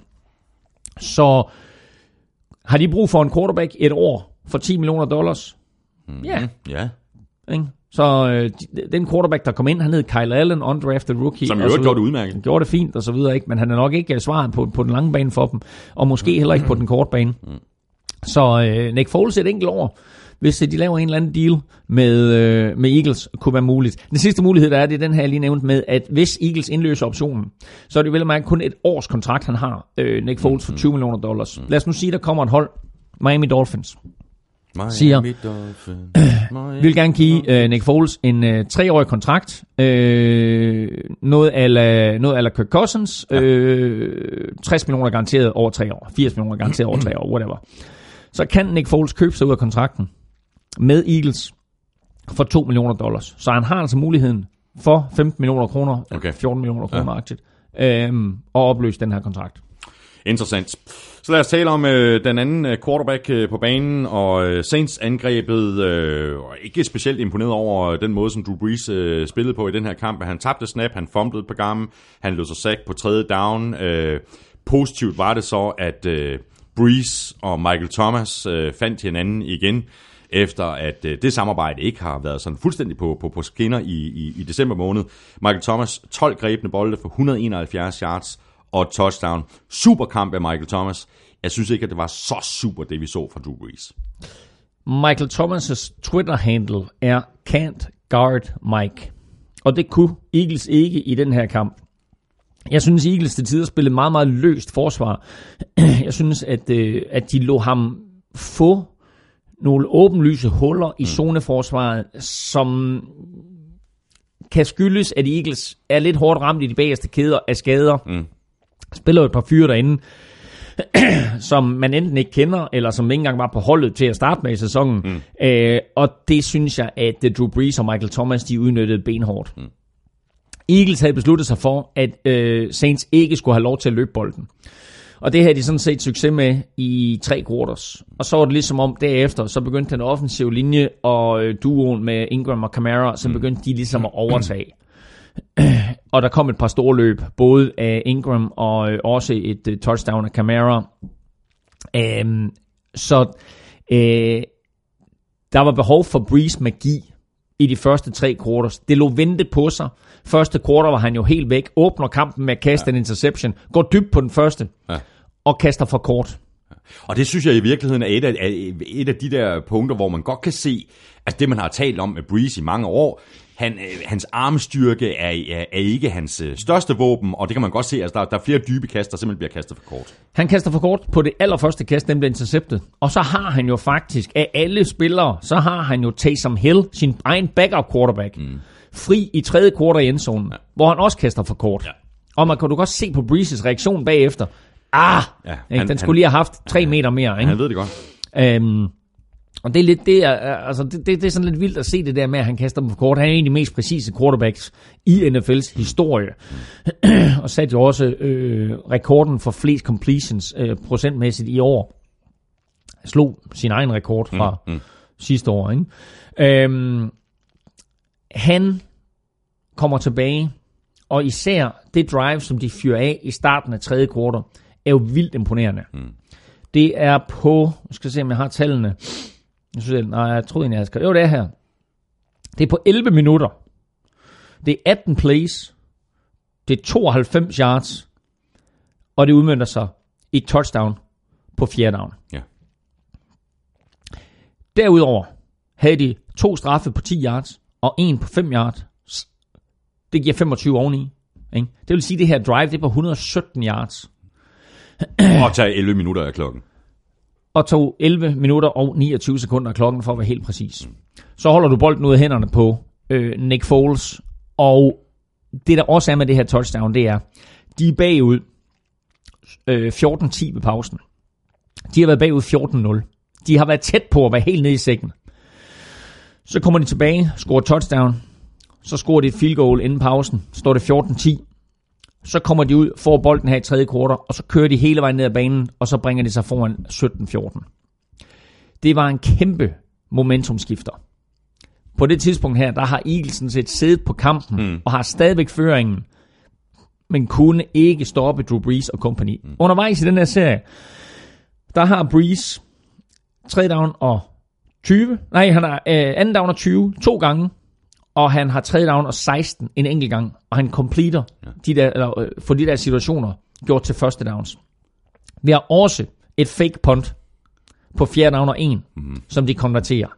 Det drive der var en kæmpe momentumskifter. Alt i det drive var bare Sean Payton, der sagde til sine tropper og sagde til Eagles, det bliver ikke i år, ven. Nej, det gør det ikke. Ikke? I Og kommer det- ikke til det at var stoppe og midt- til, og tage til sine egne tropper. Ja. Det her drive her, det er afgørende for vores sæson, drenge. Mm. Ja, det var øh, det der fake punt, det var med halvvejs øh, cirka i, øh, i andet kvartal. Og var det, var det anden kvartal? Ja, det tror jeg faktisk. Nå, okay, undskyld, ja. og, og der var Taysom Hill, øh, som du også nævnte. Ja. Det var jo også ham, der var inde på, på, på det spil. Ikke? Og det øh, ender jo så med, at, at Breeze fandt Michael Thomas for øh, no, nogle af 40 yards, og, og så efterfølgende øh, finder han øh, rookien, øh, hvad hedder han, Keith øh, Kirkwood. Øh, Keith Kirkwood, ja. ja for, for, for, for touchdown. Men øh, i, i, i forhold til Taysom Hill, han laver jo det bedste lange kast Af alle. af alle, øh, og slår i hvert fald øh, Drew Brees. Det bliver så kaldt tilbage. Det det touchdown, han kaster Nå, til det er jo en af de der, til det, Camara. det er en af de holdingstraffe, de Ja, får på ja. det drive der. Fordi han kaster nemlig et helt igennem spektakulært dybt touchdown til Camara. De har taget som helt inde som quarterback, sætter Drew Brees ud som receiver, Ja. Og Alvin Camara sådan i slotten på venstre side. Han går ned igennem midten, Taysom Hill kaster en smuk, smuk bold, der bliver grebet, og som Camara scorer på, men den bliver så kaldt tilbage for holding på den offensive linje. Derefter tror jeg, de står med en anden down og 20, eller en første down og 20, og den får de stadigvæk konverteret ja. øh, til første down. Nå, men jeg har lige mistet den der med, at, at fake punte var i... Ja, det, Anden- det, anden det, ja, det er jeg ret sikker Ja. på. Det har jeg, jeg tror, det er midt- midtvejs i anden kvartal.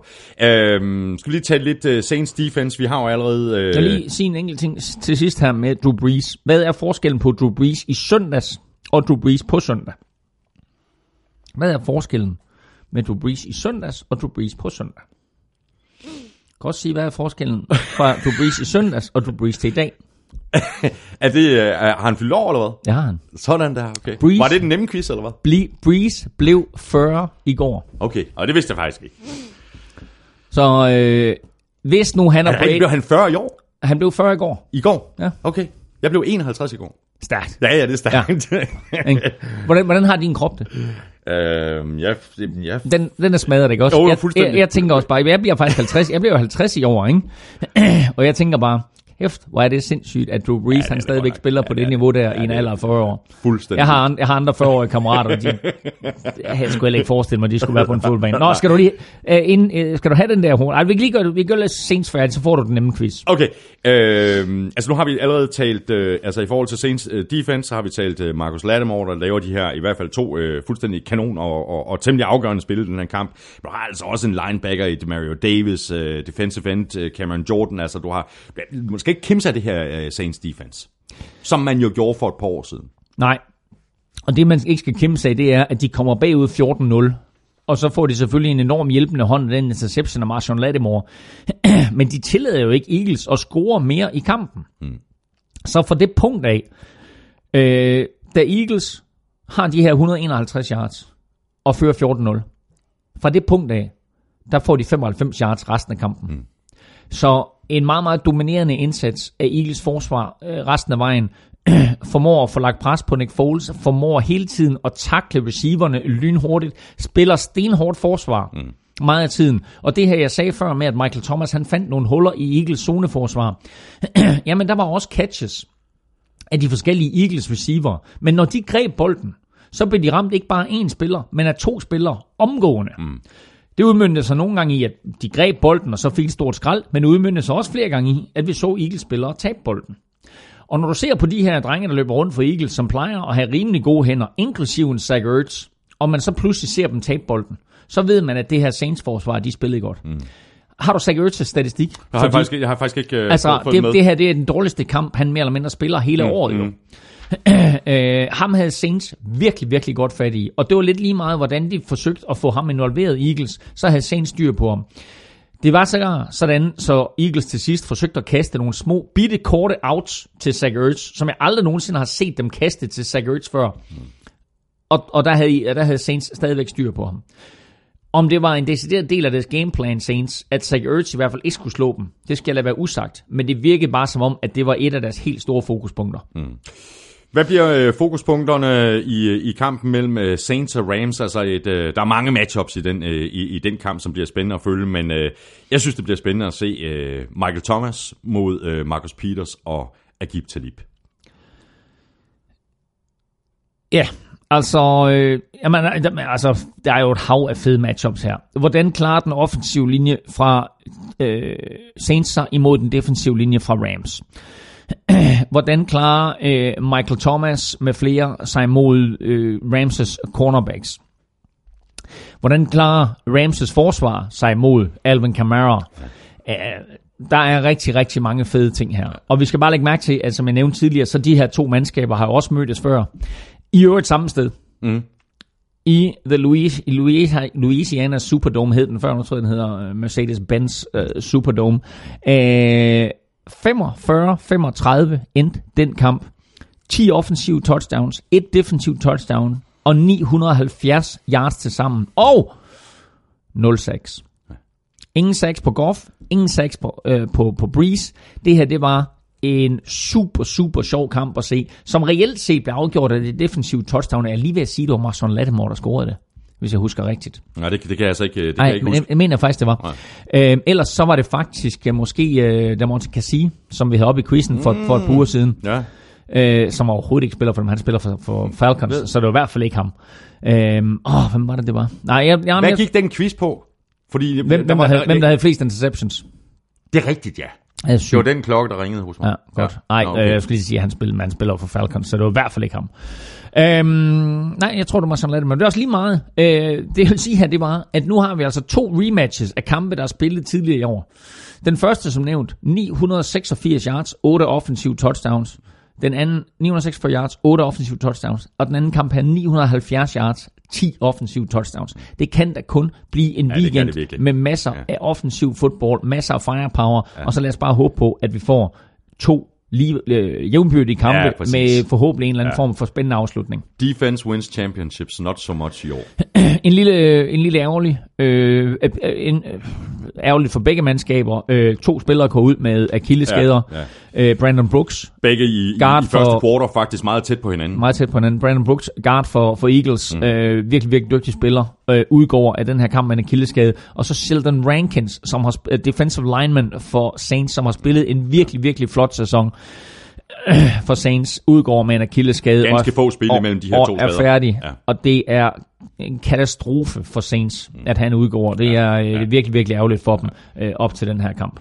Hjemmebane kan godt gå hen og blive en, øh, en- kæmpe faktor. Altså sådan som, øh, altså, sådan som det, altså det, det støjniveau i den dome er jo helt vanvittigt, når de er oppe og kører for øh, øh, hjemmebane publikummet. Ikke?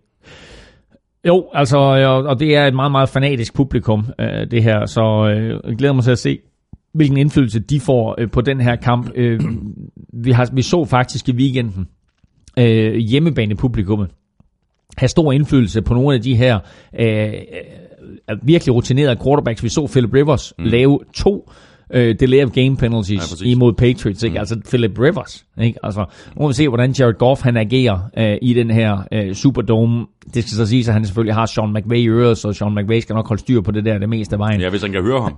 Ja, præcis. Men, øh, men øh, mange, mange interessante aspekter. Mm. Øh, med hensyn til odds, så er der 1,55 på en hjemmesejr.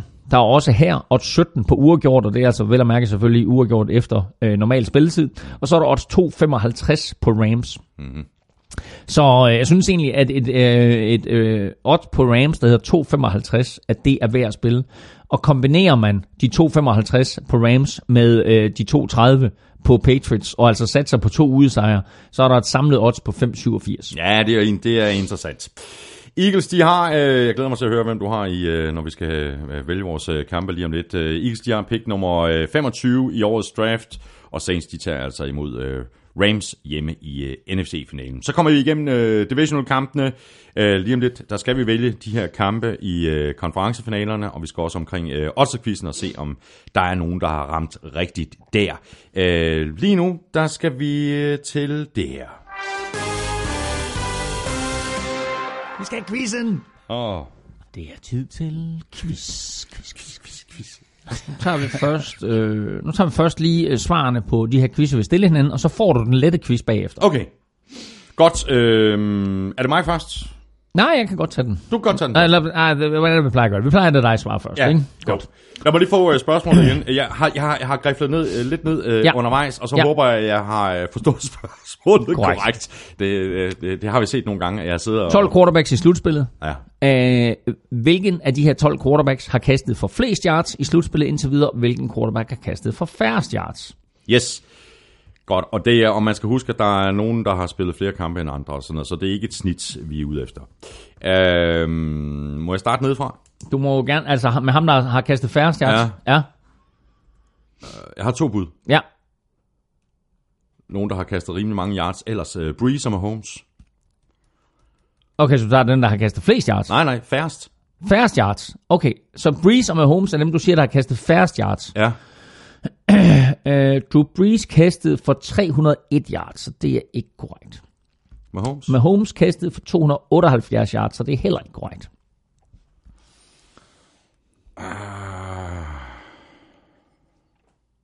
Det var så derfor, det var en svær quiz.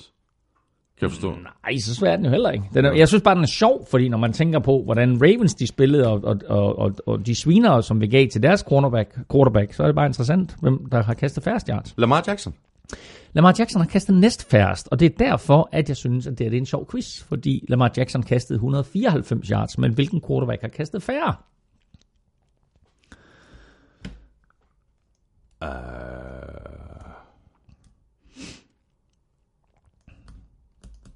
Ja, okay. Og, Ja, ja, ja, nå, men altså, jeg kan bare gå med. Hvem, hvem har det? Hvem, vi kan bare tage dem fra hinanden af, det er åndssvagt. Det har Jared Goff. Jared Goff har kastet færrest, Færrest. Ja, af okay. alle. Ja. 106, 186 yards kastede Jared Goff i sejren over Cowboys. Og det er færrest af alle indtil videre i, i slutspillet. Okay, interessant. Godt, jamen øh, det vil sige, øh, okay, men der er nogen, der har kastet, nu, nu, nu gættede jeg på Breeze og Mahomes som de første, men vi, er- vi, vi er enige om, at der er nogen, der har kastet flere yards end dem, ikke? Jo, jo, jo, jamen det er så også fordi, der er nogen, som, Ja, ja, har, ja, som ja. har, har spillet to kampe. Øhm, øh, et, et godt bud kunne måske være Philip Rivers, eller en Dak Prescott. Hvem af dem tager du? Nå, øh, det ved jeg sgu ikke. øh, Det ved jeg ikke. Philip Rivers. Det, det, prøv at høre, det er suveræne bud, det der. Nå, okay. Ikke? Philip Rivers, 491 yards. Ja. Dak Prescott, 492 yards. Hvor er det godt. Nå, okay. Det var de to, der havde kastet flest yards eller hvad? Det var de to, der Okay, kastede flest okay. yards. Nå, godt. Alright. Øh, den ene halvdel øh, gik meget godt, så den anden halvdel gik ikke så godt. Så er det dig, der skal svare på, hvilke fire AFC quarterbacks har slået Brady ud af playoffs, inden han kom frem til Super Bowl. Ja. Um, altså, vi har i hvert fald Peyton Manning. Ja, det er korrekt. Øh, det har han øh, gjort... Øh, To tre, gange, har tre, ikke? tre gange. Men er der fire forskellige? Ja. Nå, okay, men, forskellige jamen, navne. Nå, men så har jeg misforstået det. Nå, okay, men men altså, Peyton Manning. Ja. Godt. Øh, har gjort det. Så har, 2006, 2013, 2015. okay, og for to forskellige mandskaber i øvrigt. Mm, Ja, Så har Joe Flacco gjort det. ja, to gange. I 2009 og 2012. Så har Bot Fumble Mark gjort det. Exactly. 2010. Divisional, Og så er jeg virkelig meget i tvivl med den sidste. kan jeg godt forstå. Den er svær. Ja. Jeg var ikke... Øh... Jeg var ikke kommet i tanke om det. Nej, okay, nå, så det, vi skal så langt tilbage. Mm, nej, jo, jo. Altså, okay, skal, vi, skal du have et årstal? Ja, giv mig et årstal. 2005. 2005. Øh, nu skal jeg lige tænke mig om. Det, var, det har været Super Bowl 39. Super Bowl... Den vandt de der. 2000, og- når 2005. Divisional altså, 2005. Divisional 2005. Okay, altså det, må- det er så 2005 sæsonen, eller hvad? Det går jeg ud fra, der. Okay, og Divisional 2000, okay, men det er så det, er så det år, hvor Steelers slår Seahawks i Super Bowl. Øhm, ja, vandt Big Ben over dem? Nej, det var ikke Big Ben så. Mm. Om så var det... Øh... Nå, det var, det var også det var cold show. Vil du have et hold? Okay, giv mig et hold. Altså 2005. Ja. Og holdet er Broncos. Hvem Hold. var quarterback for Broncos i 2005? Øj! Jeg var ikke engang kommet i tanke om, jeg var, jeg var ikke kommet i tanke om det med den her hjælp med 2005 Åh, og Broncos. okay. 2005 Broncos. Mm. Øhm, hvem var quarterback for Broncos i 2005?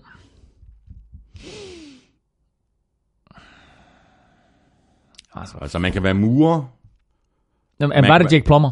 Ja. Nej, må, du, jeg tænkte, det kunne ikke være Jake Plummer. men det, var, er, det er Jake Plummer. var det Jake Plummer? Ja. Okay. Jamen jeg var ikke kommet i tanke. Nå. Dang. For the touchdown. Whoa. Ugens spiller præsenteres af Tafel. Ja, den er god med dig. Det er ikke ugens Det var ikke spiller. ugens spiller. Det er ikke ugens spiller. Det er den her. Nej, nej. Men- Hvad så? Du skal lige have en ekstra quiz. Nå, det jeg skal have en ekstra Ja, quiz, du skal bare lige have en, en, en, en lille ekstra quiz her. Og det er bare lige... øhm, hvem... Ej, lad, mig, lad, mig, lad mig formulere, formulere den anderledes. Øh, Cardinals øh, er øh, øh, ubetinget øh, det hold i øh, ligaen, som øh, har øh, det dårligste løbeforsvar. Mm-hmm.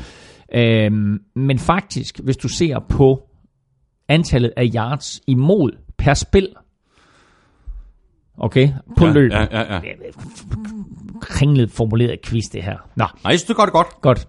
Så er der faktisk tre hold, næsten forstået. så er der faktisk tre hold, som er dårligere. En Cardinals. Ja. På løbespil imod Per play. per play. Ja. Var det den her, der var den nemme quiz? Ej, det her det var den svære.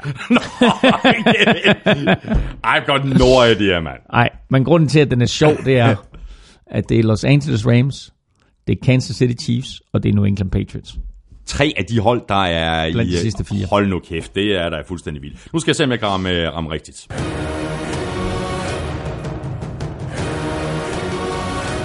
Det kunne jeg, juhu, fordi nu skal vi nemlig se, om øh, der var nogen, øh, der øh, ramte rigtigt i Oddset-quizzen, hvor alle jo hver øh, uge har chancen for at vinde sådan et free bet på 200 kroner til Oddset fra Danske Spil. De rigtige udsagn var 1, 2, 3 og 5, og den kombination var der to, der havde meget imponerende Simon Påske Urup og Andrea Aarhusen. Og hvis I øh, sender mig en, øh, en direkte besked på Twitter, så sender jeg så til gengæld et øh, freebet på 200 kroner retur til jer, som I kan bruge på oddset fra Danske Spil. Vi lægger en ny øh, oddset-quiz op på øh, NFL Shows Twitter-profil igen i dag, onsdag. Deadline for at svare er søndag kl. 21, øh, og du deltager ved at øh, svare på det tweet, hvor Otterquizzen er vedhæftet, og så skriver du din bud og afslutter med hashtag Otterquiz. Du skal være 18 for at deltage, og hvis øh, du vinder, jamen, så skal du placere freebettet på et spil på Oddset fra Danske Spil.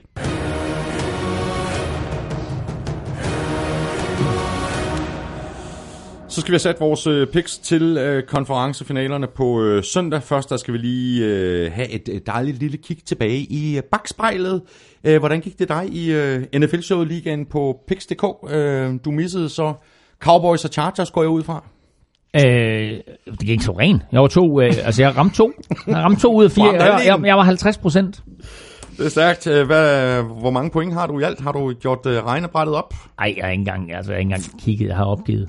Øhm, ej, jeg har ikke på nogen måde opgivet. Lad os lige se, jeg skal lige logge ind her. Øhm, bop, bop, bop. Øh, Ja.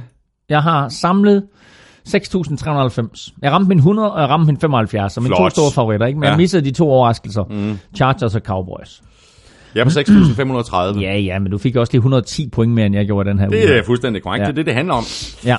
Uh, så skal vi lige omkring vores uh, straight up picks konkurrence af vores uh, stat wizard Lukas Willumsen, der skriver sådan her.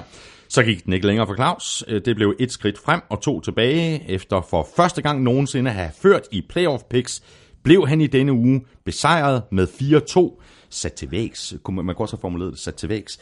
Øh, og dermed fører Thomas nu i playoffs med 6-5. Den samlede stilling for sæsonen er nu oppe på 172-169 i øh, Thomas' 40.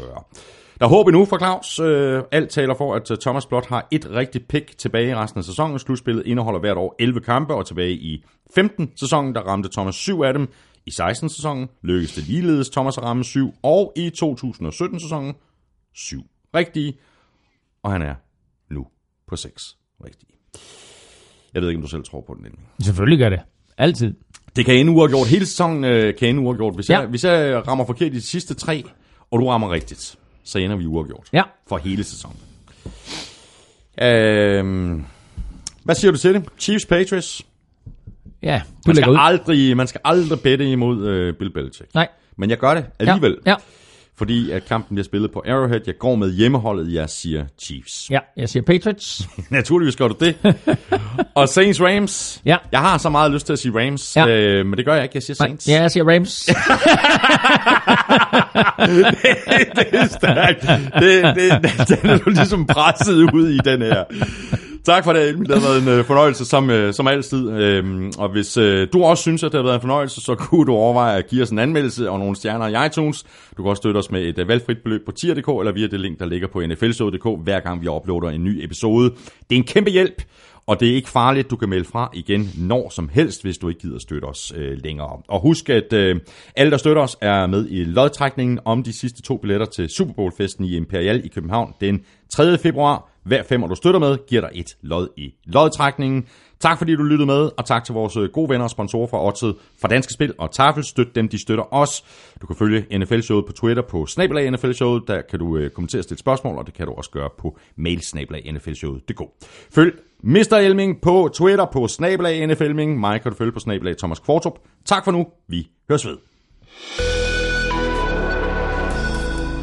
NFL-showet er produceret af Kvartrup Media, der også producerer Danmarks største politiske podcast, Born Unplugged. Henrik og jeg er tilbage på sporet, hvilket betyder, at vi laver vores øh, sædvanlige podcast på fredag.